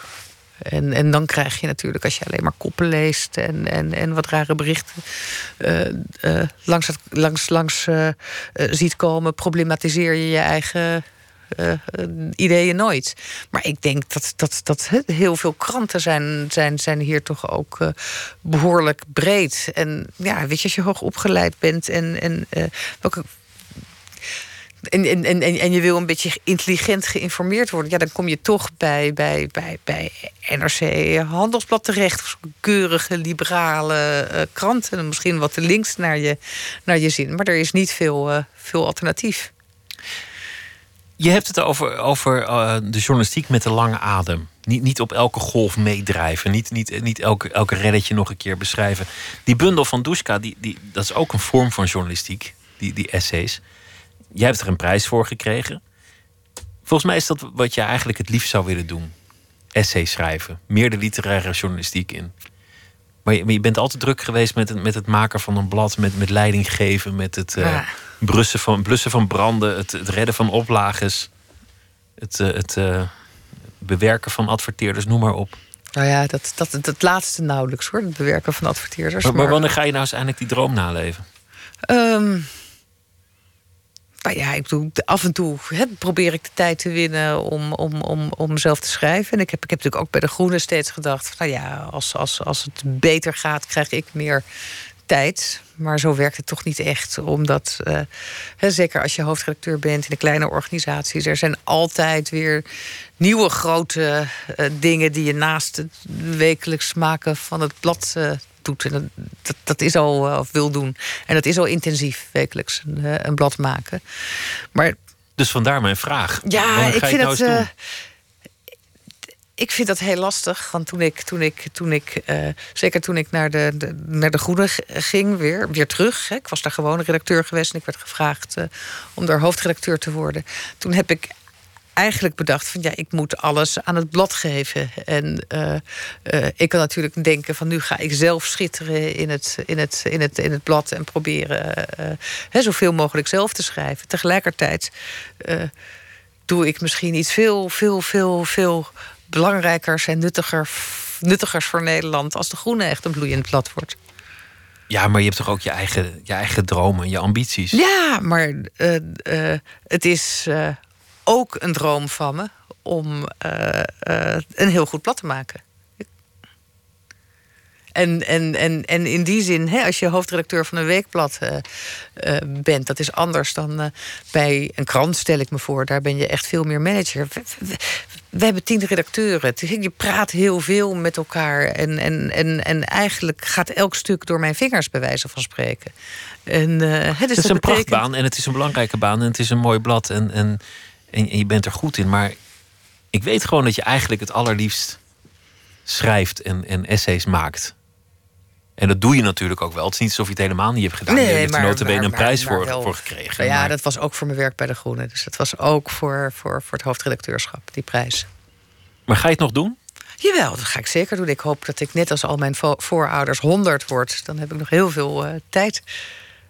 Ik hoop ook dat je 100 wordt. Ja. En, ik, en ik gun het je ook. En het was heel leuk om je te gast te hebben. Sandra Schutte, dank je wel. En ik noem nog het uh, boek van uh, Dushka. Hoe verliefd is de lezer. Dankjewel. Ja, dankjewel. Zometeen gaan we verder met uh, Nooit meer slapen. Dan heeft Thomas Verbocht een verhaal geschreven bij de voorbije dag. En we gaan uh, aandacht besteden aan Ed van der Elske, want er is een uh, expositie geopend in het Stedelijk Museum van zijn uh, foto's. En Sander Kok komt op bezoek. Hij is model, maar vandaag is hij ook vooral schrijver, want zijn debuut is uit Smeltende Vrouw. Onder meer over een man die als droom heeft om zijn vrouw zo dik mogelijk te maken en haar daartoe de hele dag voert. En het doel voorlopig is 300 kilo. Dat allemaal zometeen in Nooit meer slapen. Twitter, VPRO NMS. We zitten ook op Facebook en u kunt zich abonneren op de podcast via iTunes of de website van de VPRO. VPRO.nl slash nooit meer slapen.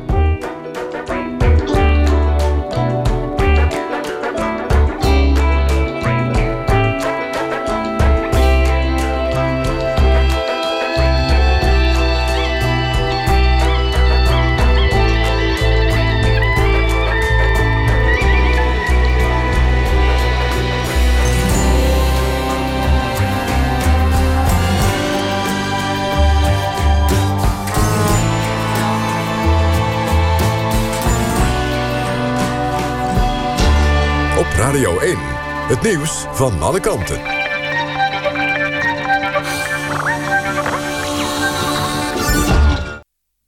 Het is 1 uur, Waterwalgemoed met het NWS Journaal.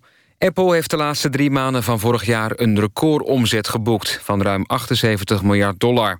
De hoge omzet komt doordat er veel meer iPhones zijn verkocht... dan analisten hadden voorspeld, bijna 80 miljoen.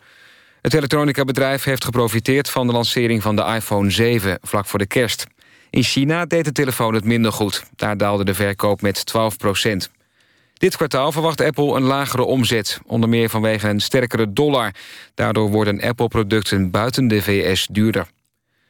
Bij een schietpartij in Amsterdam-Osdorp is een nog onbekende man om het leven gekomen. De politie zegt dat hij op straat is doodgeschoten.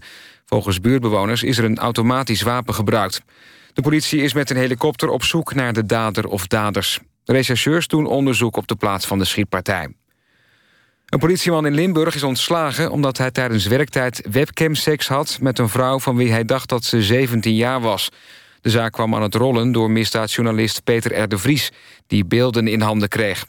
De vrouw is meerderjarig, maar deed alsof ze 17 was. De korpschef van de politie Limburg zei in RTL Late Night... dat de agent zich schandelijk heeft gedragen. De voetbaltransfermarkt is vannacht gesloten. Op de laatste dag van de winterse transferperiode is duidelijk geworden... dat Tim Krul Ajax verruilt voor AZ. De doelman kwam in Amsterdam niet aan spelen toe. Verder is FC Groningen verdediger Hans Hatenboer kwijtgeraakt... aan Atalanta Bergamo, de nummer 6 in Italië. Eerder op de dag verkocht Ajax-spits Anwar El Ghazi aan het Franse Lille. Zijn opvolger is David Neres, een Braziliaanse jeugdinternational.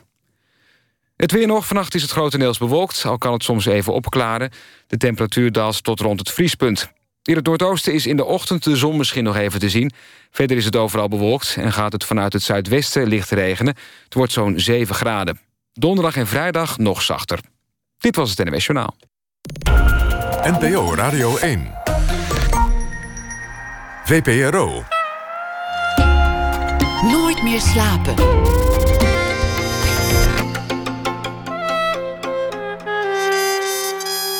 Met Pieter van der Wielen. Komend weekende opent in Amsterdam in het Stedelijk Museum een overzicht uit 25 jaar werk van Ed van der Elske. Zometeen een reportage over de werkwijze van de bekende straatfotograaf. Schrijver en fotomodel Sander Kok komt op bezoek. Hij heeft een eh, roman uit zijn eerste Smeltende Vrouw. En Thomas Verbocht zal een verhaal maken bij de voorbije dag. En dat zal hij zo meteen voordragen. Maar we beginnen met het culturele nieuws.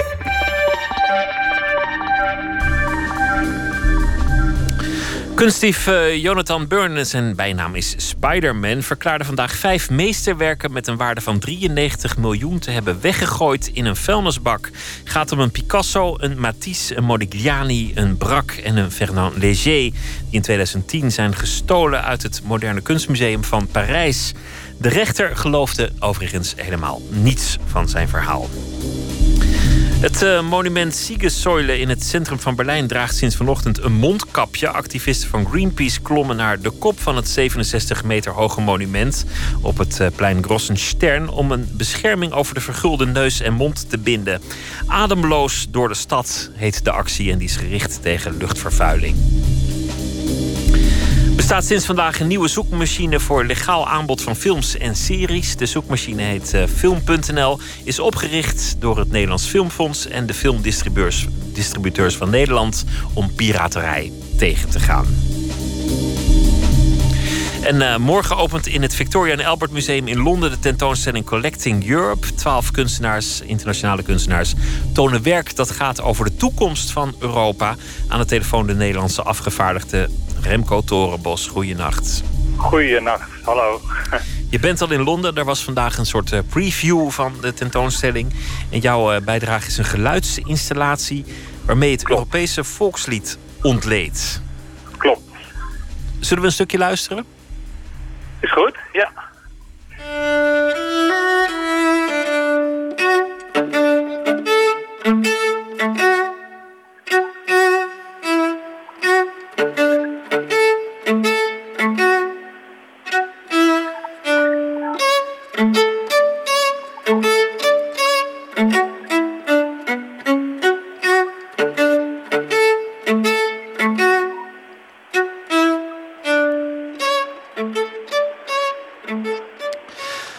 Slotstuk van eh, Beethoven, de negende symfonie. Alle mensen werden broeder. Wat, wat wil je precies hiermee laten horen? Want je, je ontleedt het stuk als het ware.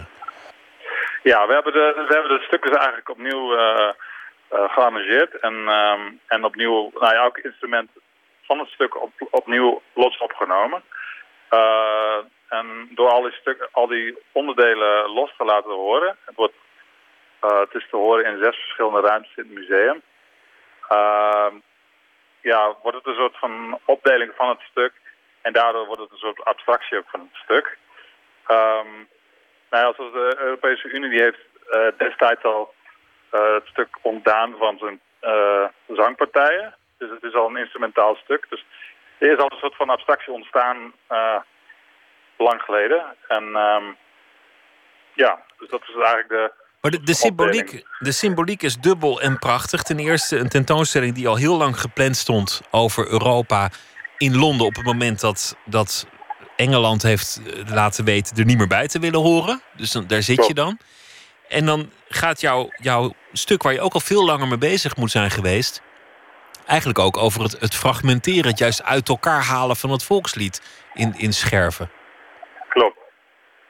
Dat kon je niet weten toen je eraan begon dat het zo'n mooie symboliek zou worden. Uh, nee, klopt. Ik ben een stuk. Uh, eigenlijk, het begin ligt eigenlijk in 2012. Uh, maar ja, dit stuk, toen wij de uitnodiging kregen, was Brexit wel al bezig. Maar na de, nadat we de briefing kregen, was het twee weken later, nam de directeur ontslag vanwege Brexit. Dat is een Duitse, Duitse man was dat. dat. En um, ja, dus ja, die fragmentatie, dat komt inderdaad van het stuk komt terug. Uh, en dat, en, uh, ja, dat resoneert eigenlijk in, in Brexit. En uh, wat er überhaupt nu op dit moment een, nou ja, die soort van dreiging of... of, of ja, er zit een soort dreiging dat misschien de hele boel wel uit, uit elkaar klapt. Maar, ja, klopt. Maar een prachtige reflectie daarop. Het, het volkslied, symbool van de eenheid. Eigenlijk al een fragment van iets anders. En, en dat verder fragmenteren en, en daarmee heel invoelbaar maken wat er op dit moment boven ons hangt. Mm Ja, um, het, stuk, het, op, opdelen is ook deels uh, heeft te maken met... Uh, nou ja, de tentoonstelling heet Collecting Europe. En je zou natuurlijk Collecting Europe ook op een andere manier kunnen interpreteren... als uh, Europeanen die stukken uit andere landen hebben verzameld... en dat allemaal in een museum hebben gestopt volledig uit hun context gehaald. En um, dat opbreken, dat, komt om dan, dat resoneert dan ook weer... Uh, vanuit, vanuit de muziek resoneert het weer terug in de collectie eigenlijk. Want de, de, de geluidswerken die hangen in de collectie. En ja, het is dus letterlijk wordt, resoneert het door de collectie eigenlijk. Het gaat dus ook een beetje over wat er daar in dat uh, museum gebeurt. Veel succes morgen en uh, de rest van de periode van de tentoonstelling. Remco Torenbos, dank je wel. Goeienacht. Dank je wel. dat, was, dat was snel.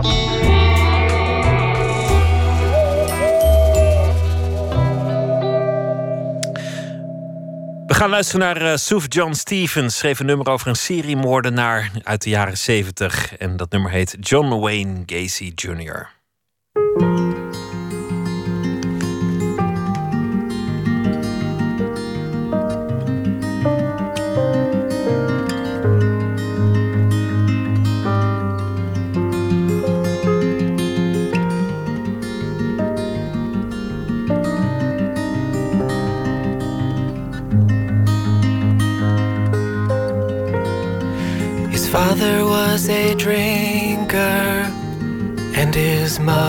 mother cried in bed. Folding John Wayne's t shirts when the swing set hit his head. The neighbors, they adored him for his humor and his conversation. Underneath the house there. Find the few living things riding fast in their sleep. Oh, the dead. 27 people, even more. They were boys with their cars, summer jobs. Oh my god.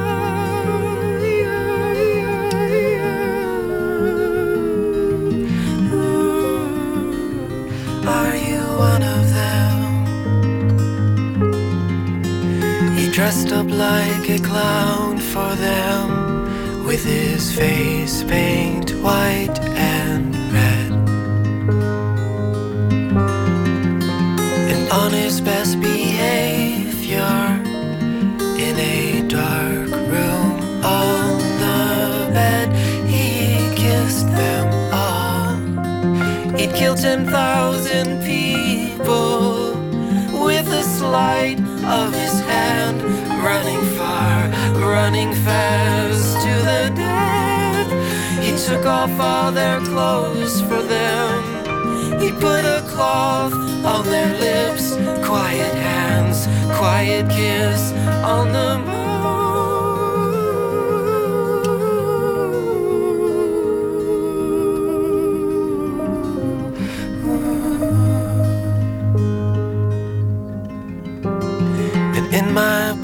Behavior, I am really just like him. Look beneath the floorboards for the secrets I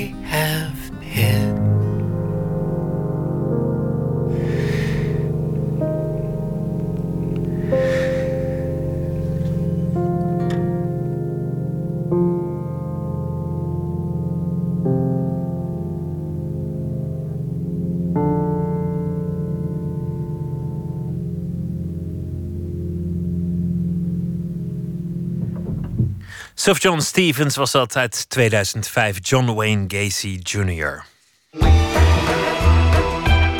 Nooit meer slapen.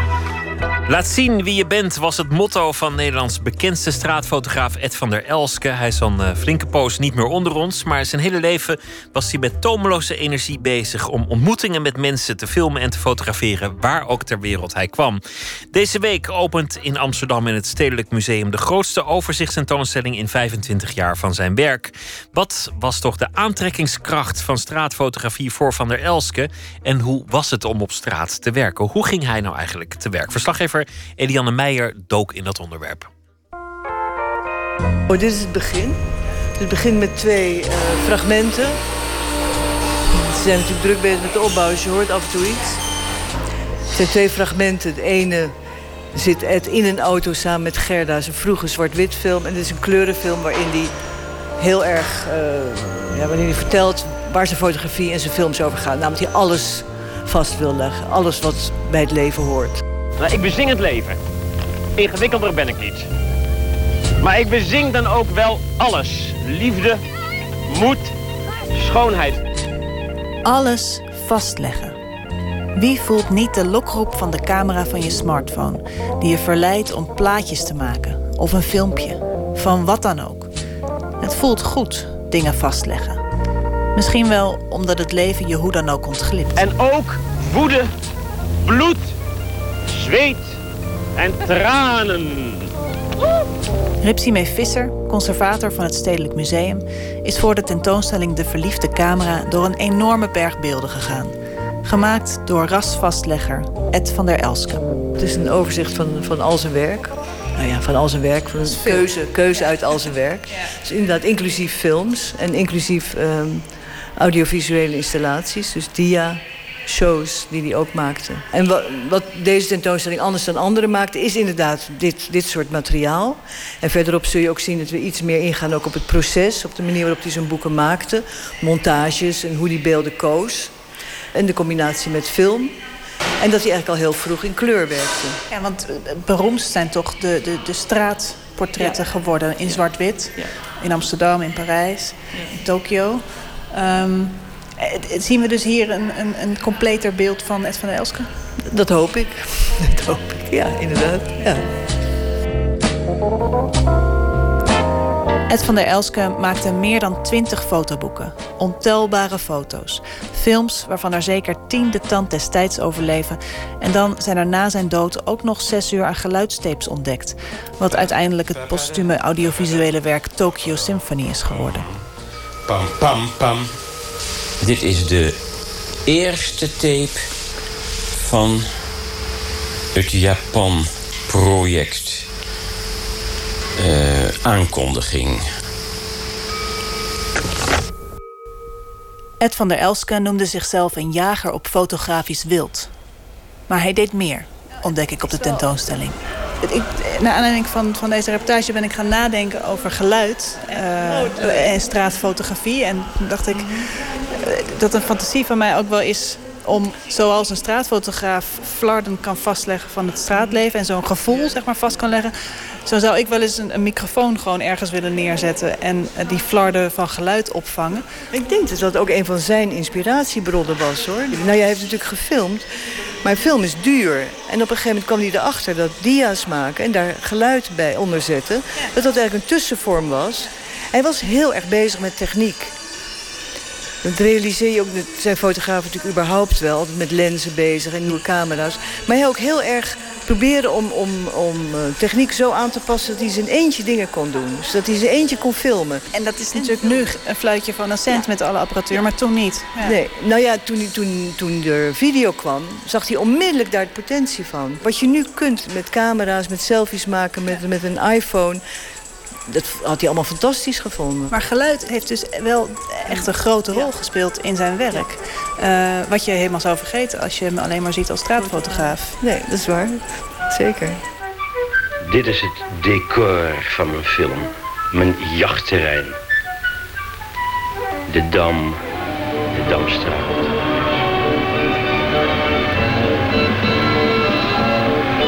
Amsterdam als jachtterrein. Van 1982, toen Van der zijn film Een fotograaf filmt Amsterdam maakte, naar 2017. Ik sta op het Damrak, die smoeselige rode loper de stad in, langs souvenirwinkels en fastfoodketens waar het wemelt van de toeristen en andere voetgangers en waar ik normaal gesproken zo snel mogelijk vandaan wil. Niet vandaag. Ik leer te kijken met de ogen van straatfotograaf Theo Niekus. Nou, de zon is weg, maar het is iets minder koud.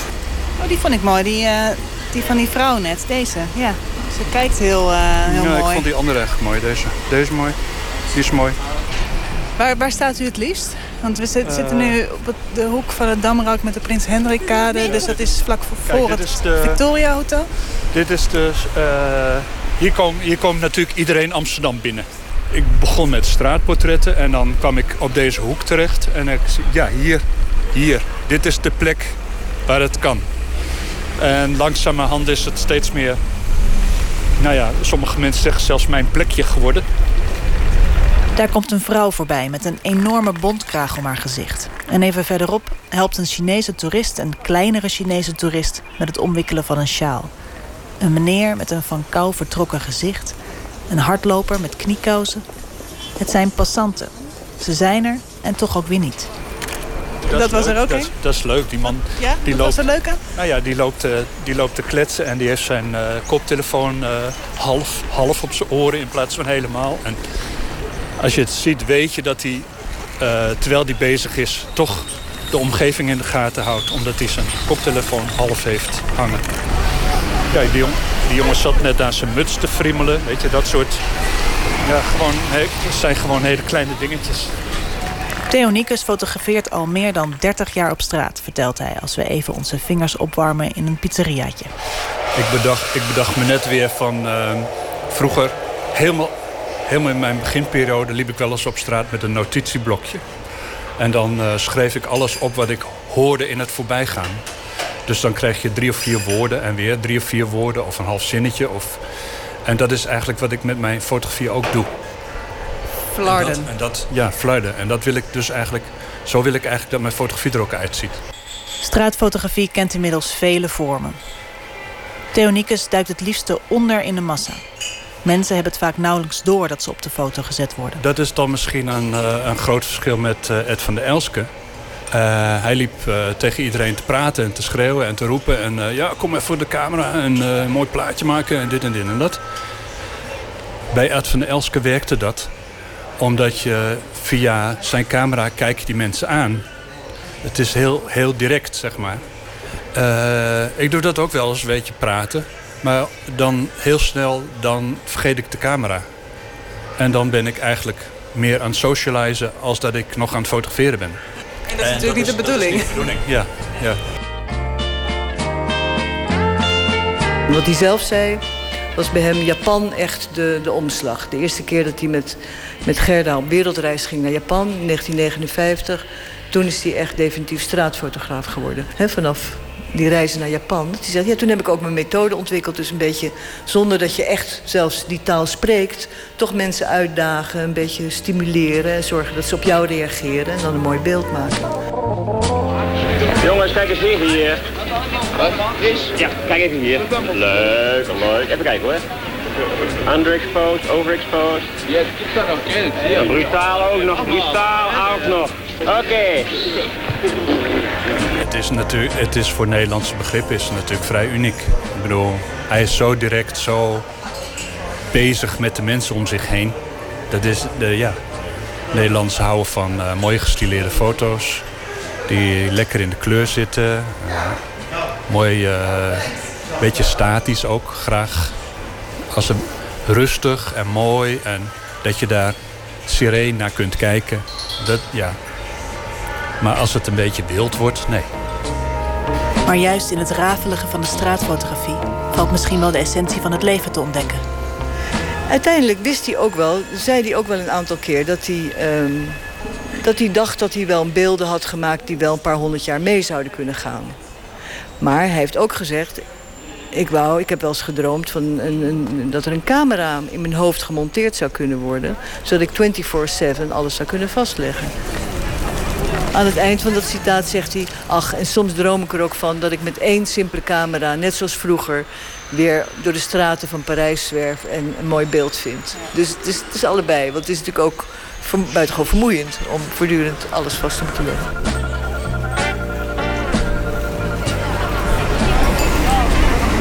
Is het een soort verslaving? Tuurlijk, tuurlijk. Fotografie is verslaving, ja. Kijk, hier komen heel veel koppen langs, dus dat is... Dat is... En weg is de fotograaf. Achter de koppen aan. Dit is de laatste zaal, die er nog erg chaotisch uitziet... waarin we een fragment uit Bai laten zien. Daarin laatste... was hij ook een voorloper. Hè? Het feit dat hij zijn eigen ziekteproces filmde. Dan nu vinden we dat al bijna gewoon. Mensen maken daar boeken over, mensen schrijven daar romans over. Maar toen hij dit deed, eind jaren 80, was dit toch wel nieuw. Ik stop ermee. Ik ga afscheid nemen. Ik ben er bijna. Hou je goed, allemaal. Sterkte. Doe je best. Laat zien wie je bent. Bye. Ed van der Elske in zijn uh, laatste film Baai uit 1990. Conservator Ripsimee Visser en straatfotograaf Theo Niekus in een reportage van Eliane Meijer. Vanaf zaterdag te zien in het Stedelijk Museum de tentoonstelling over Ed van der Elske, de verliefde camera. En zijn films zijn ook weer te zien in AI in Amsterdam. De Beatles hadden in 1970 een grote hit met Let It Be en Aretha Franklin deed het dunnetjes over.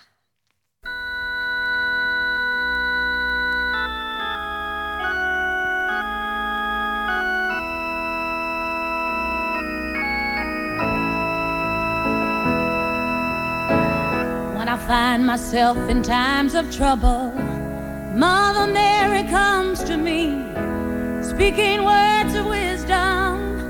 Let it be. And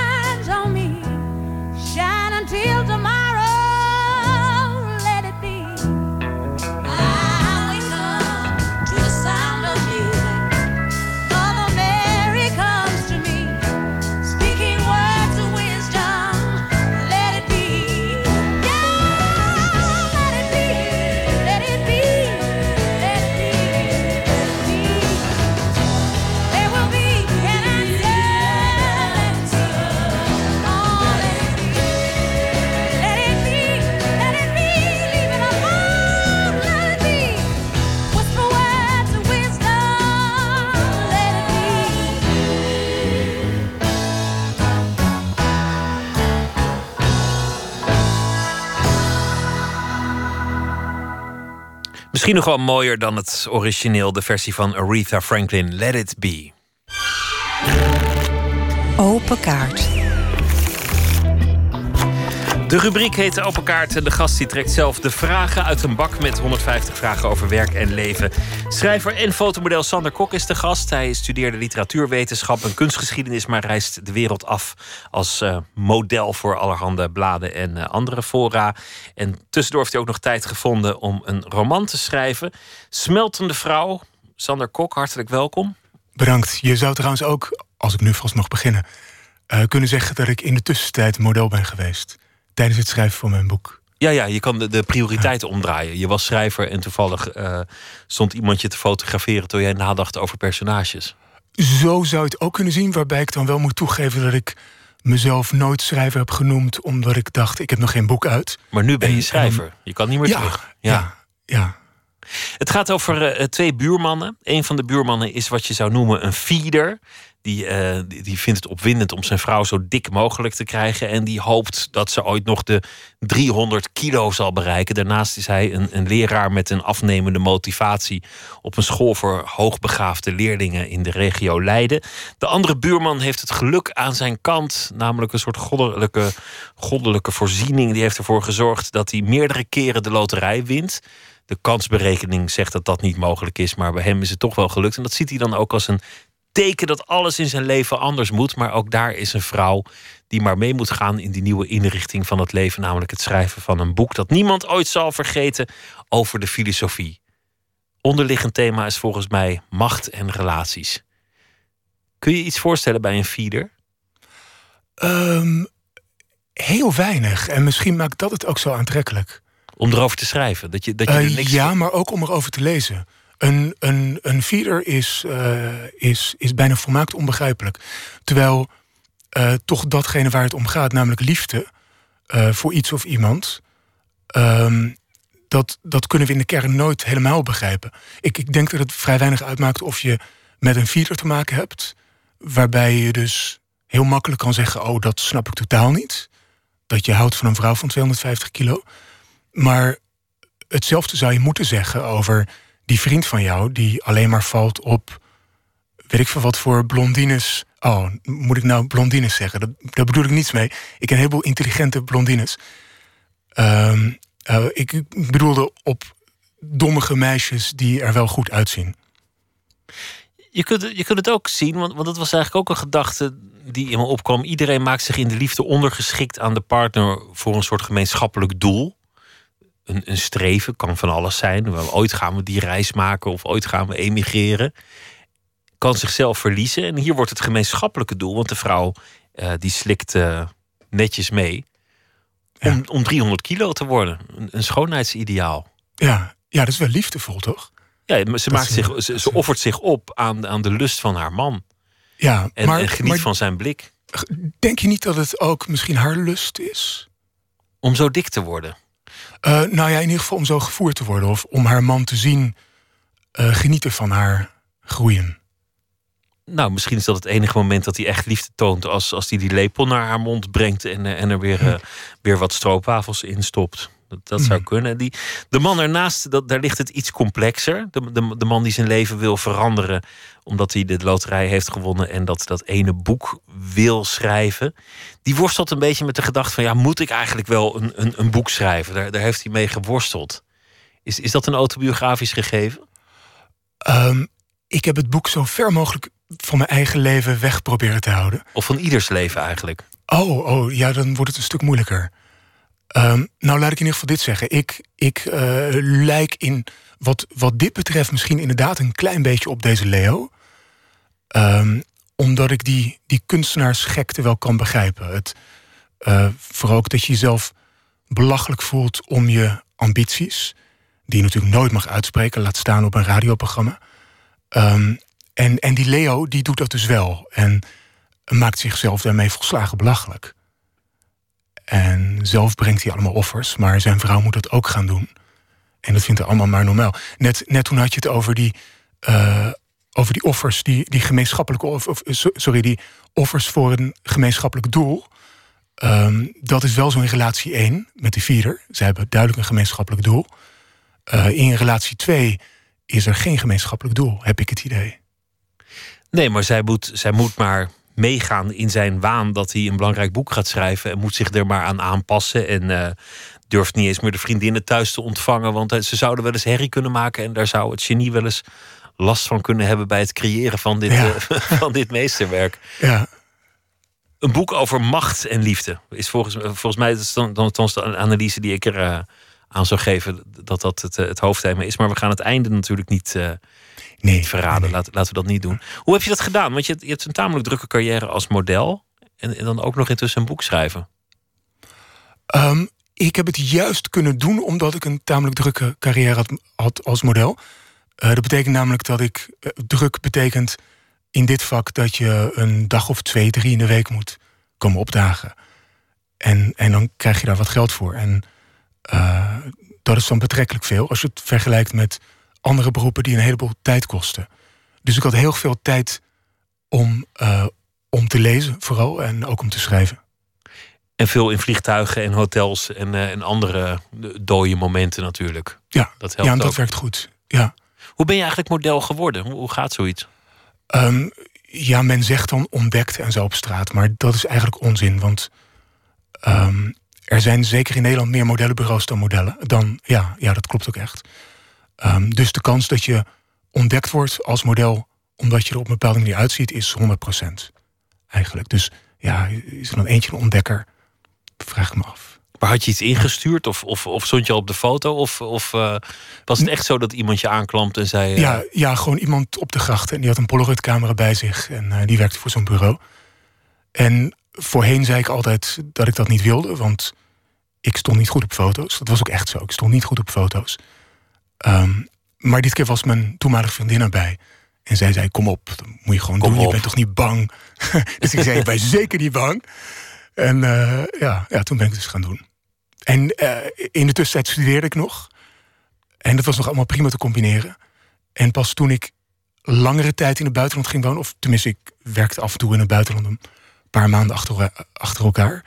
Eh, maar toen ik een paar jaar in New York woonde... ben ik echt gaan schrijven. Heb ik daar...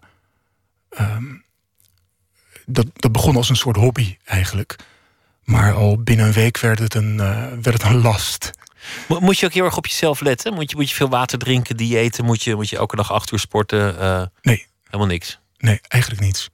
Ik sport wel sinds ongeveer een jaartje. Eh, en ik doe het nu 13 jaar. Maar dat sporten dat doe ik meer voor het schrijven.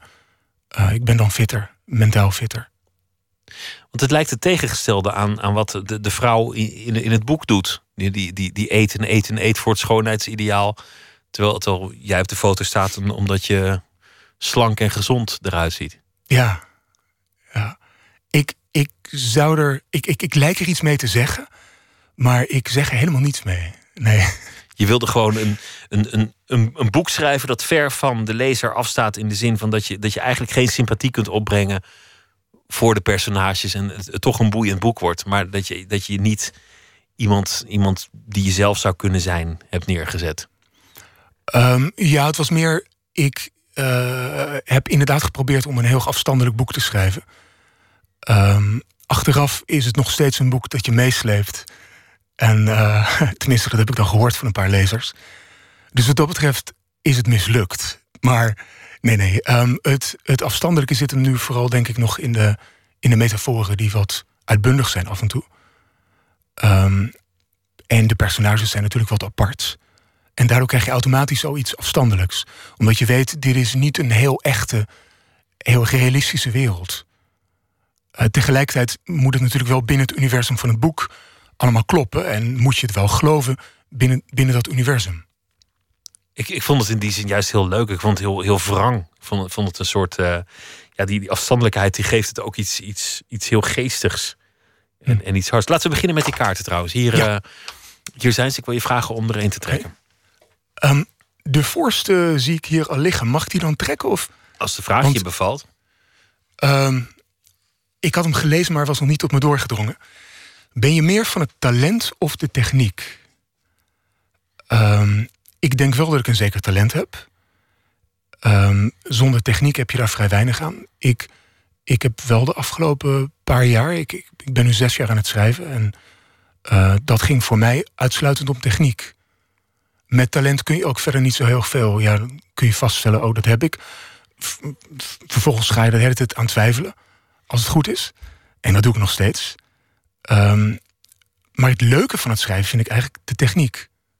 Het Het echt schaven van, van hoe krijg ik die scène goed? Hoe krijg ik dat personage af? Waar- ja, hoewel moet ik het liever in één keer goed doe hoor. Ja, dat is het mooist. Ja, ja, dat is het mooist. Maar, maar ik merk wel dat je door je technisch te bekwamen... eh, veel makkelijker die eh, zo gewilde inspiratie krijgt. Daar is gewoon techniek en hard werken voor nodig. Het is trouwens een enorm schrijverscliché, maar goed. Laten we nog een tweede kaartje. Oké. Dit keer eentje uit het midden. Wat is je favoriete personage uit boeken, films, theater?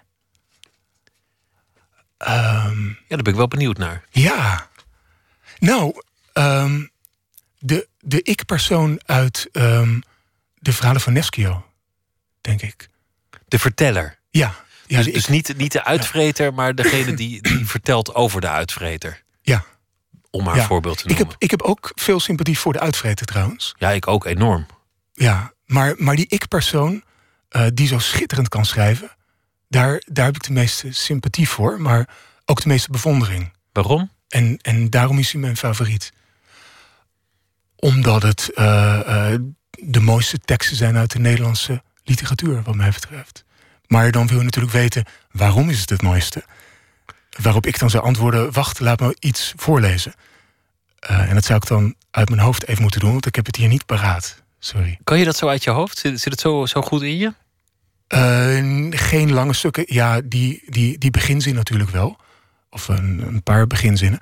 Maar ik ben het ook bang dat omdat dit op een radio is... dat Ja, ik het dan dat- weer eventjes niet kan. Maar over de Sarfati-straat. Dat, dat, Ja, behalve de man die de Behalve de man Sarfati-straat... die de Sarfati-straat, de mooiste straat van Europa, eh, vond... heb ik nooit een wonderlijke kerel gekend dan den uitvreter.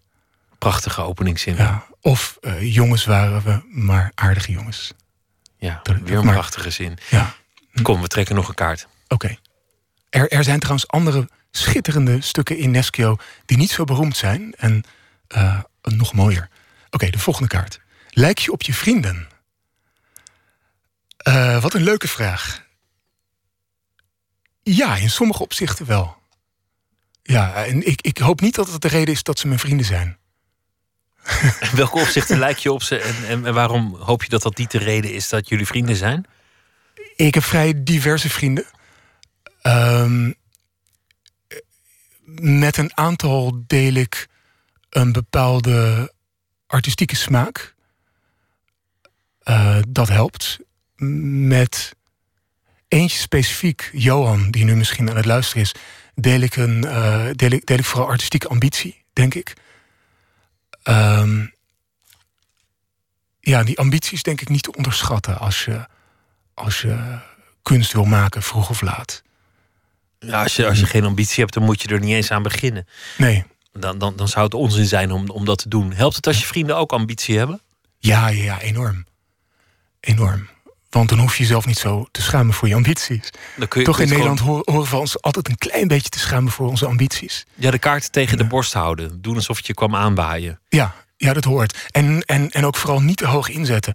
Ik heb bijvoorbeeld, eh, een, eh, ik, ik had vorige week een interview in het Parool. Eh, een heel leuk interview trouwens. Tenminste, de vragen vond ik heel erg leuk. Ehm, eh, en toen kreeg ik ook een vraag over... eh, ehm, waarom begin je met een citaat van Nietzsche? En verderop komt dan Kafka voor. En, ehm, dus ineens moest ik me gaan verklaren waarom ik dat deed. Maar ja, toen ik het opschreef, wist ik heus ook wel dat dat over zou komen alsof ik indruk wil maken. Maar ik vind het dan ook weer niet artistiek integer als je daarom niet die citaten gaat gebruiken, maar andere citaten of geen citaten.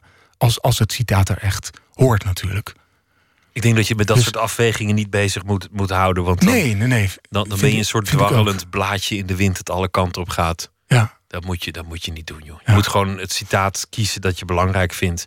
Precies. En, en dan maar schandalig ambitie laten zien. Ja, vind ik heel mooi. Gewoon ambitie is goed. Er is eindelijk iemand die ambitie heeft in dit land. Sander Kok, dank je wel. Het boek heet eh, Smeltende Vrouw. Dank je. Voor hun eh, meest verkochte album eh, Fleetwood Mac Rumors hadden ze al een ander album dat gewoon Fleetwood Mac heette. En daarop stond dit pareltje Rhiannon. Rhiannon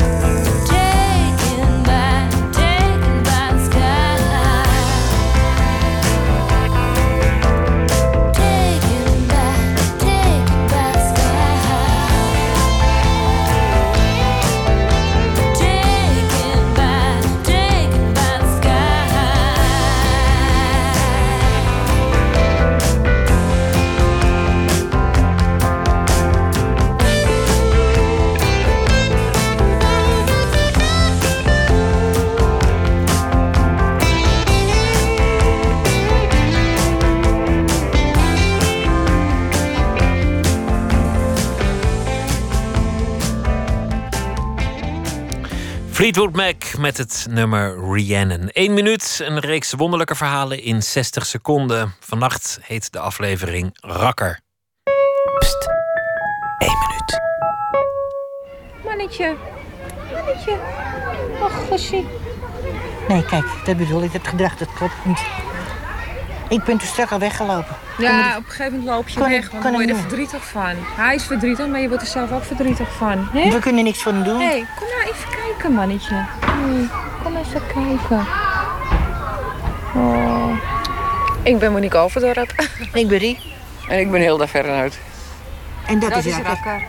Nou, Rakker kon zich niet handhaven in de groep, dus hij kreeg op zijn mieter. Hij is niet, hij heeft nooit geaccepteerd geweest. En op een gegeven moment, ja, krijg je die uitbarsting en het is fataal voor hem geweest. natuurlijk. Het is voor, eh, voor hem is het zo eenzame opsluiting, eigenlijk. Alcatraz, hè? Ja.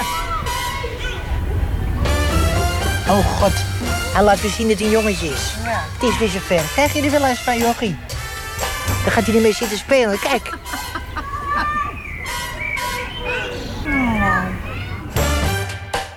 Eén minuut gemaakt door Bente Hamel. De Canadese singer-songwriter Leslie Feist maakt ook deel uit van de Broken Social Scene. Maar ze treedt ook solo op en dan heet ze weer gewoon Feist. Dat gaan we beluisteren. Het nummer heet 1, 2, 3, 4.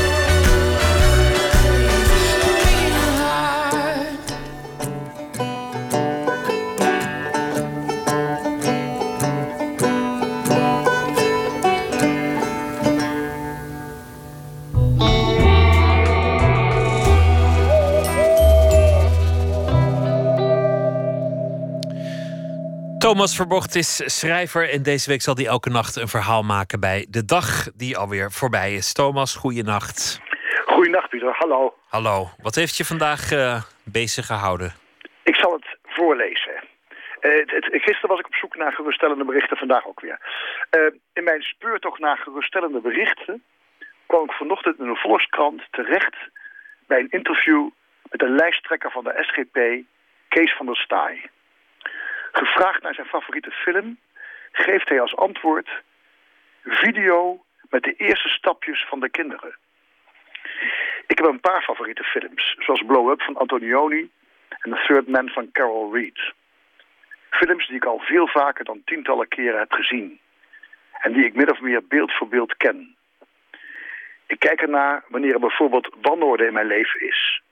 En meestal wordt dan, wat ik voor het gemak mijn basis noem, weer wat steviger.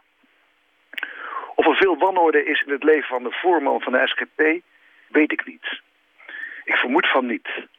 Maar hij zal zo nu en dan ook naar zijn favoriete film kijken. Dus naar de eerste stapjes van zijn kinderen. Dat ik, dit, dat ik dit hier noem, wil niet zeggen dat ik hierover flauw of ironisch wil doen. Het is een herinnering die, die concreet zichtbaar voor hem is en die betekenis voor hem heeft. Ik weet niet hoe oud de kinderen van de heer Van der Staaij zijn. Maar wat ik hoop is dat ze niet telkens met hun vader mee moeten kijken. Dus naar hun eigen eerste stapjes. Want dan moet je er ook iets over zeggen. En op een gegeven moment ben je er enorm over uitgepraat. En moet je er van alles bij bedenken. Toen ik mijn eerste stapjes zette, bestond er geen videoapparatuur. Als dat wel zo was geweest, had mijn vader me ongetwijfeld ook gefilmd. Ik vermoed dat die opnamen niet zijn favoriete film zouden zijn, maar we hadden er vast een keer naar gekeken. Misschien pas heel laat in onze levens. Vandaag stelde ik me voor dat het gebeurt. Dat hij over die dagen gaat vertellen. Ergens ver weg in de jaren 50 van de vorige eeuw. En misschien heb ik het over latere stapjes. Over mijn latere stapjes. In de eerste jaren van de nieuwe eeuw. Als hij er ineens niet meer is. En we het nooit meer over dat soort dingen kunnen hebben. Over de eerste stapjes en de favoriete film van eh, Van, van der Staaij. Ja, dat, is wel, dat is wel opmerkelijk, want, want jij bent nog van een ongefilmde generatie. Ik ook. Dus de eerste Ja. keer dat wij liepen, dat we gingen fietsen, dat we uit onze neus aten, dat we, dat we een taartje in ons gezicht smeerden, dat is allemaal gelukkig niet gefilmd. Nee. En de kinderen van nu, die moeten dat later allemaal terug gaan zien. Precies. En kijk, en ook af van alles wordt een foto gemaakt ook. Hè? En, en soms moet je zelfs ook bijvoorbeeld eh, eh, weer opnieuw op je kinderfietsje stappen, omdat een foto is mislukt. Maar kijk, eh, ik, want ik weet niet precies van welk jaar jij bent, Pieter, maar... 74. Oh ja, nou ik van, van 52, maar toen werden ook niet zoveel foto's gemaakt. Dus je moet het soms, maar dus je moet het veel meer gewoon vanuit... je moet gewoon echt in, in je herinneringen zoeken die dus niet zijn vastgelegd. En het heeft, dat heeft ook iets heel boeiends hoor, vind ik. En ik vond, ik vond trouwens dat, dat interview verder ook boeiend. Omdat hij als jeugdzonde zei dat hij, dat hij wel eens checkies had gero- gerookt. En dat er vroeger wel een biertje bij de nassi was, maar verder niet. Maar dat hij op latere leeftijd dan wel de geneugd van wijn had ontdekt. Maar niet te veel natuurlijk, want het moest allemaal met mate.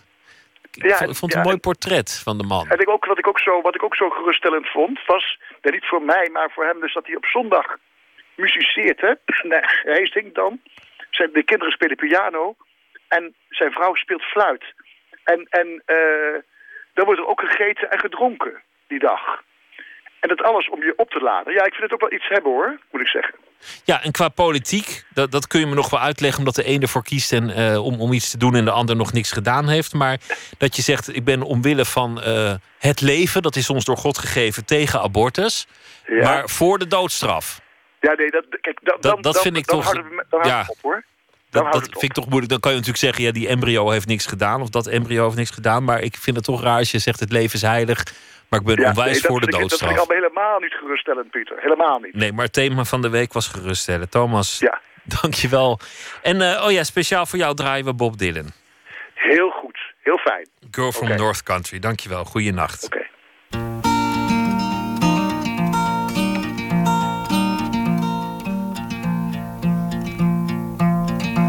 If you're traveling in the North Country Fire, where the winds hit heavy on the borderline, remember me to one who lives there. For she once was a true love of mine. If you go when the snowflakes storm, when the rivers freeze and summer ends,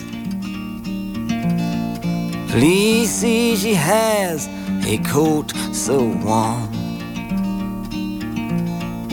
to keep her from the howling winds.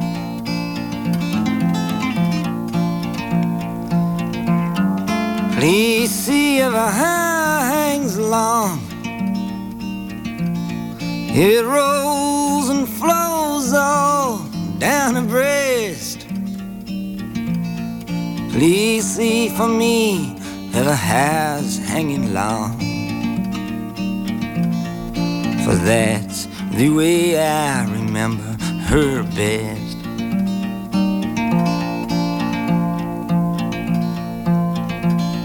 I'm wondering if she remembers me at all. Many times I've often prayed in the darkness of my night, in the brightness of my day.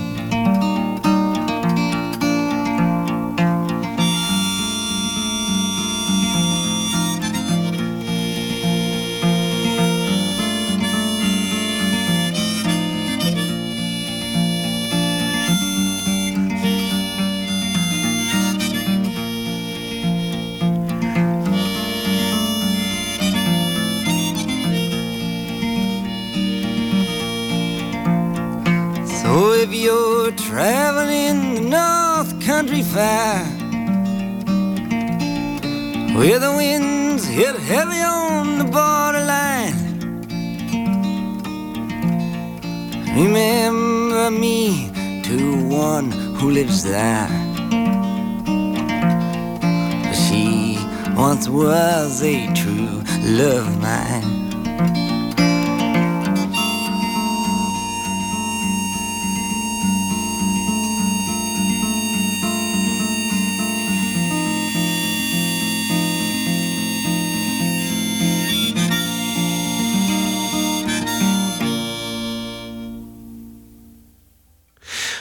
Dylan was dat en hij nam het op op zijn eh, 21ste.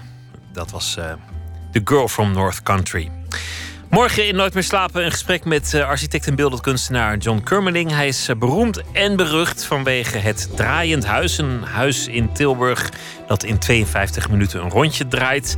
En zijn huidige plan is het maken van een echt rechte weg. Een weg die zich niks aantrekt van de kromming van de aarde, maar dus werkelijk recht loopt. Zie het maar eens eh, te bouwen. Dat allemaal morgen in Nooit meer slapen. Voor nu een hele goede nacht en zometeen veel plezier op deze zender met de collega's van Nog Steeds Wakker van Omroep WNL. Goeienacht en graag weer tot morgen.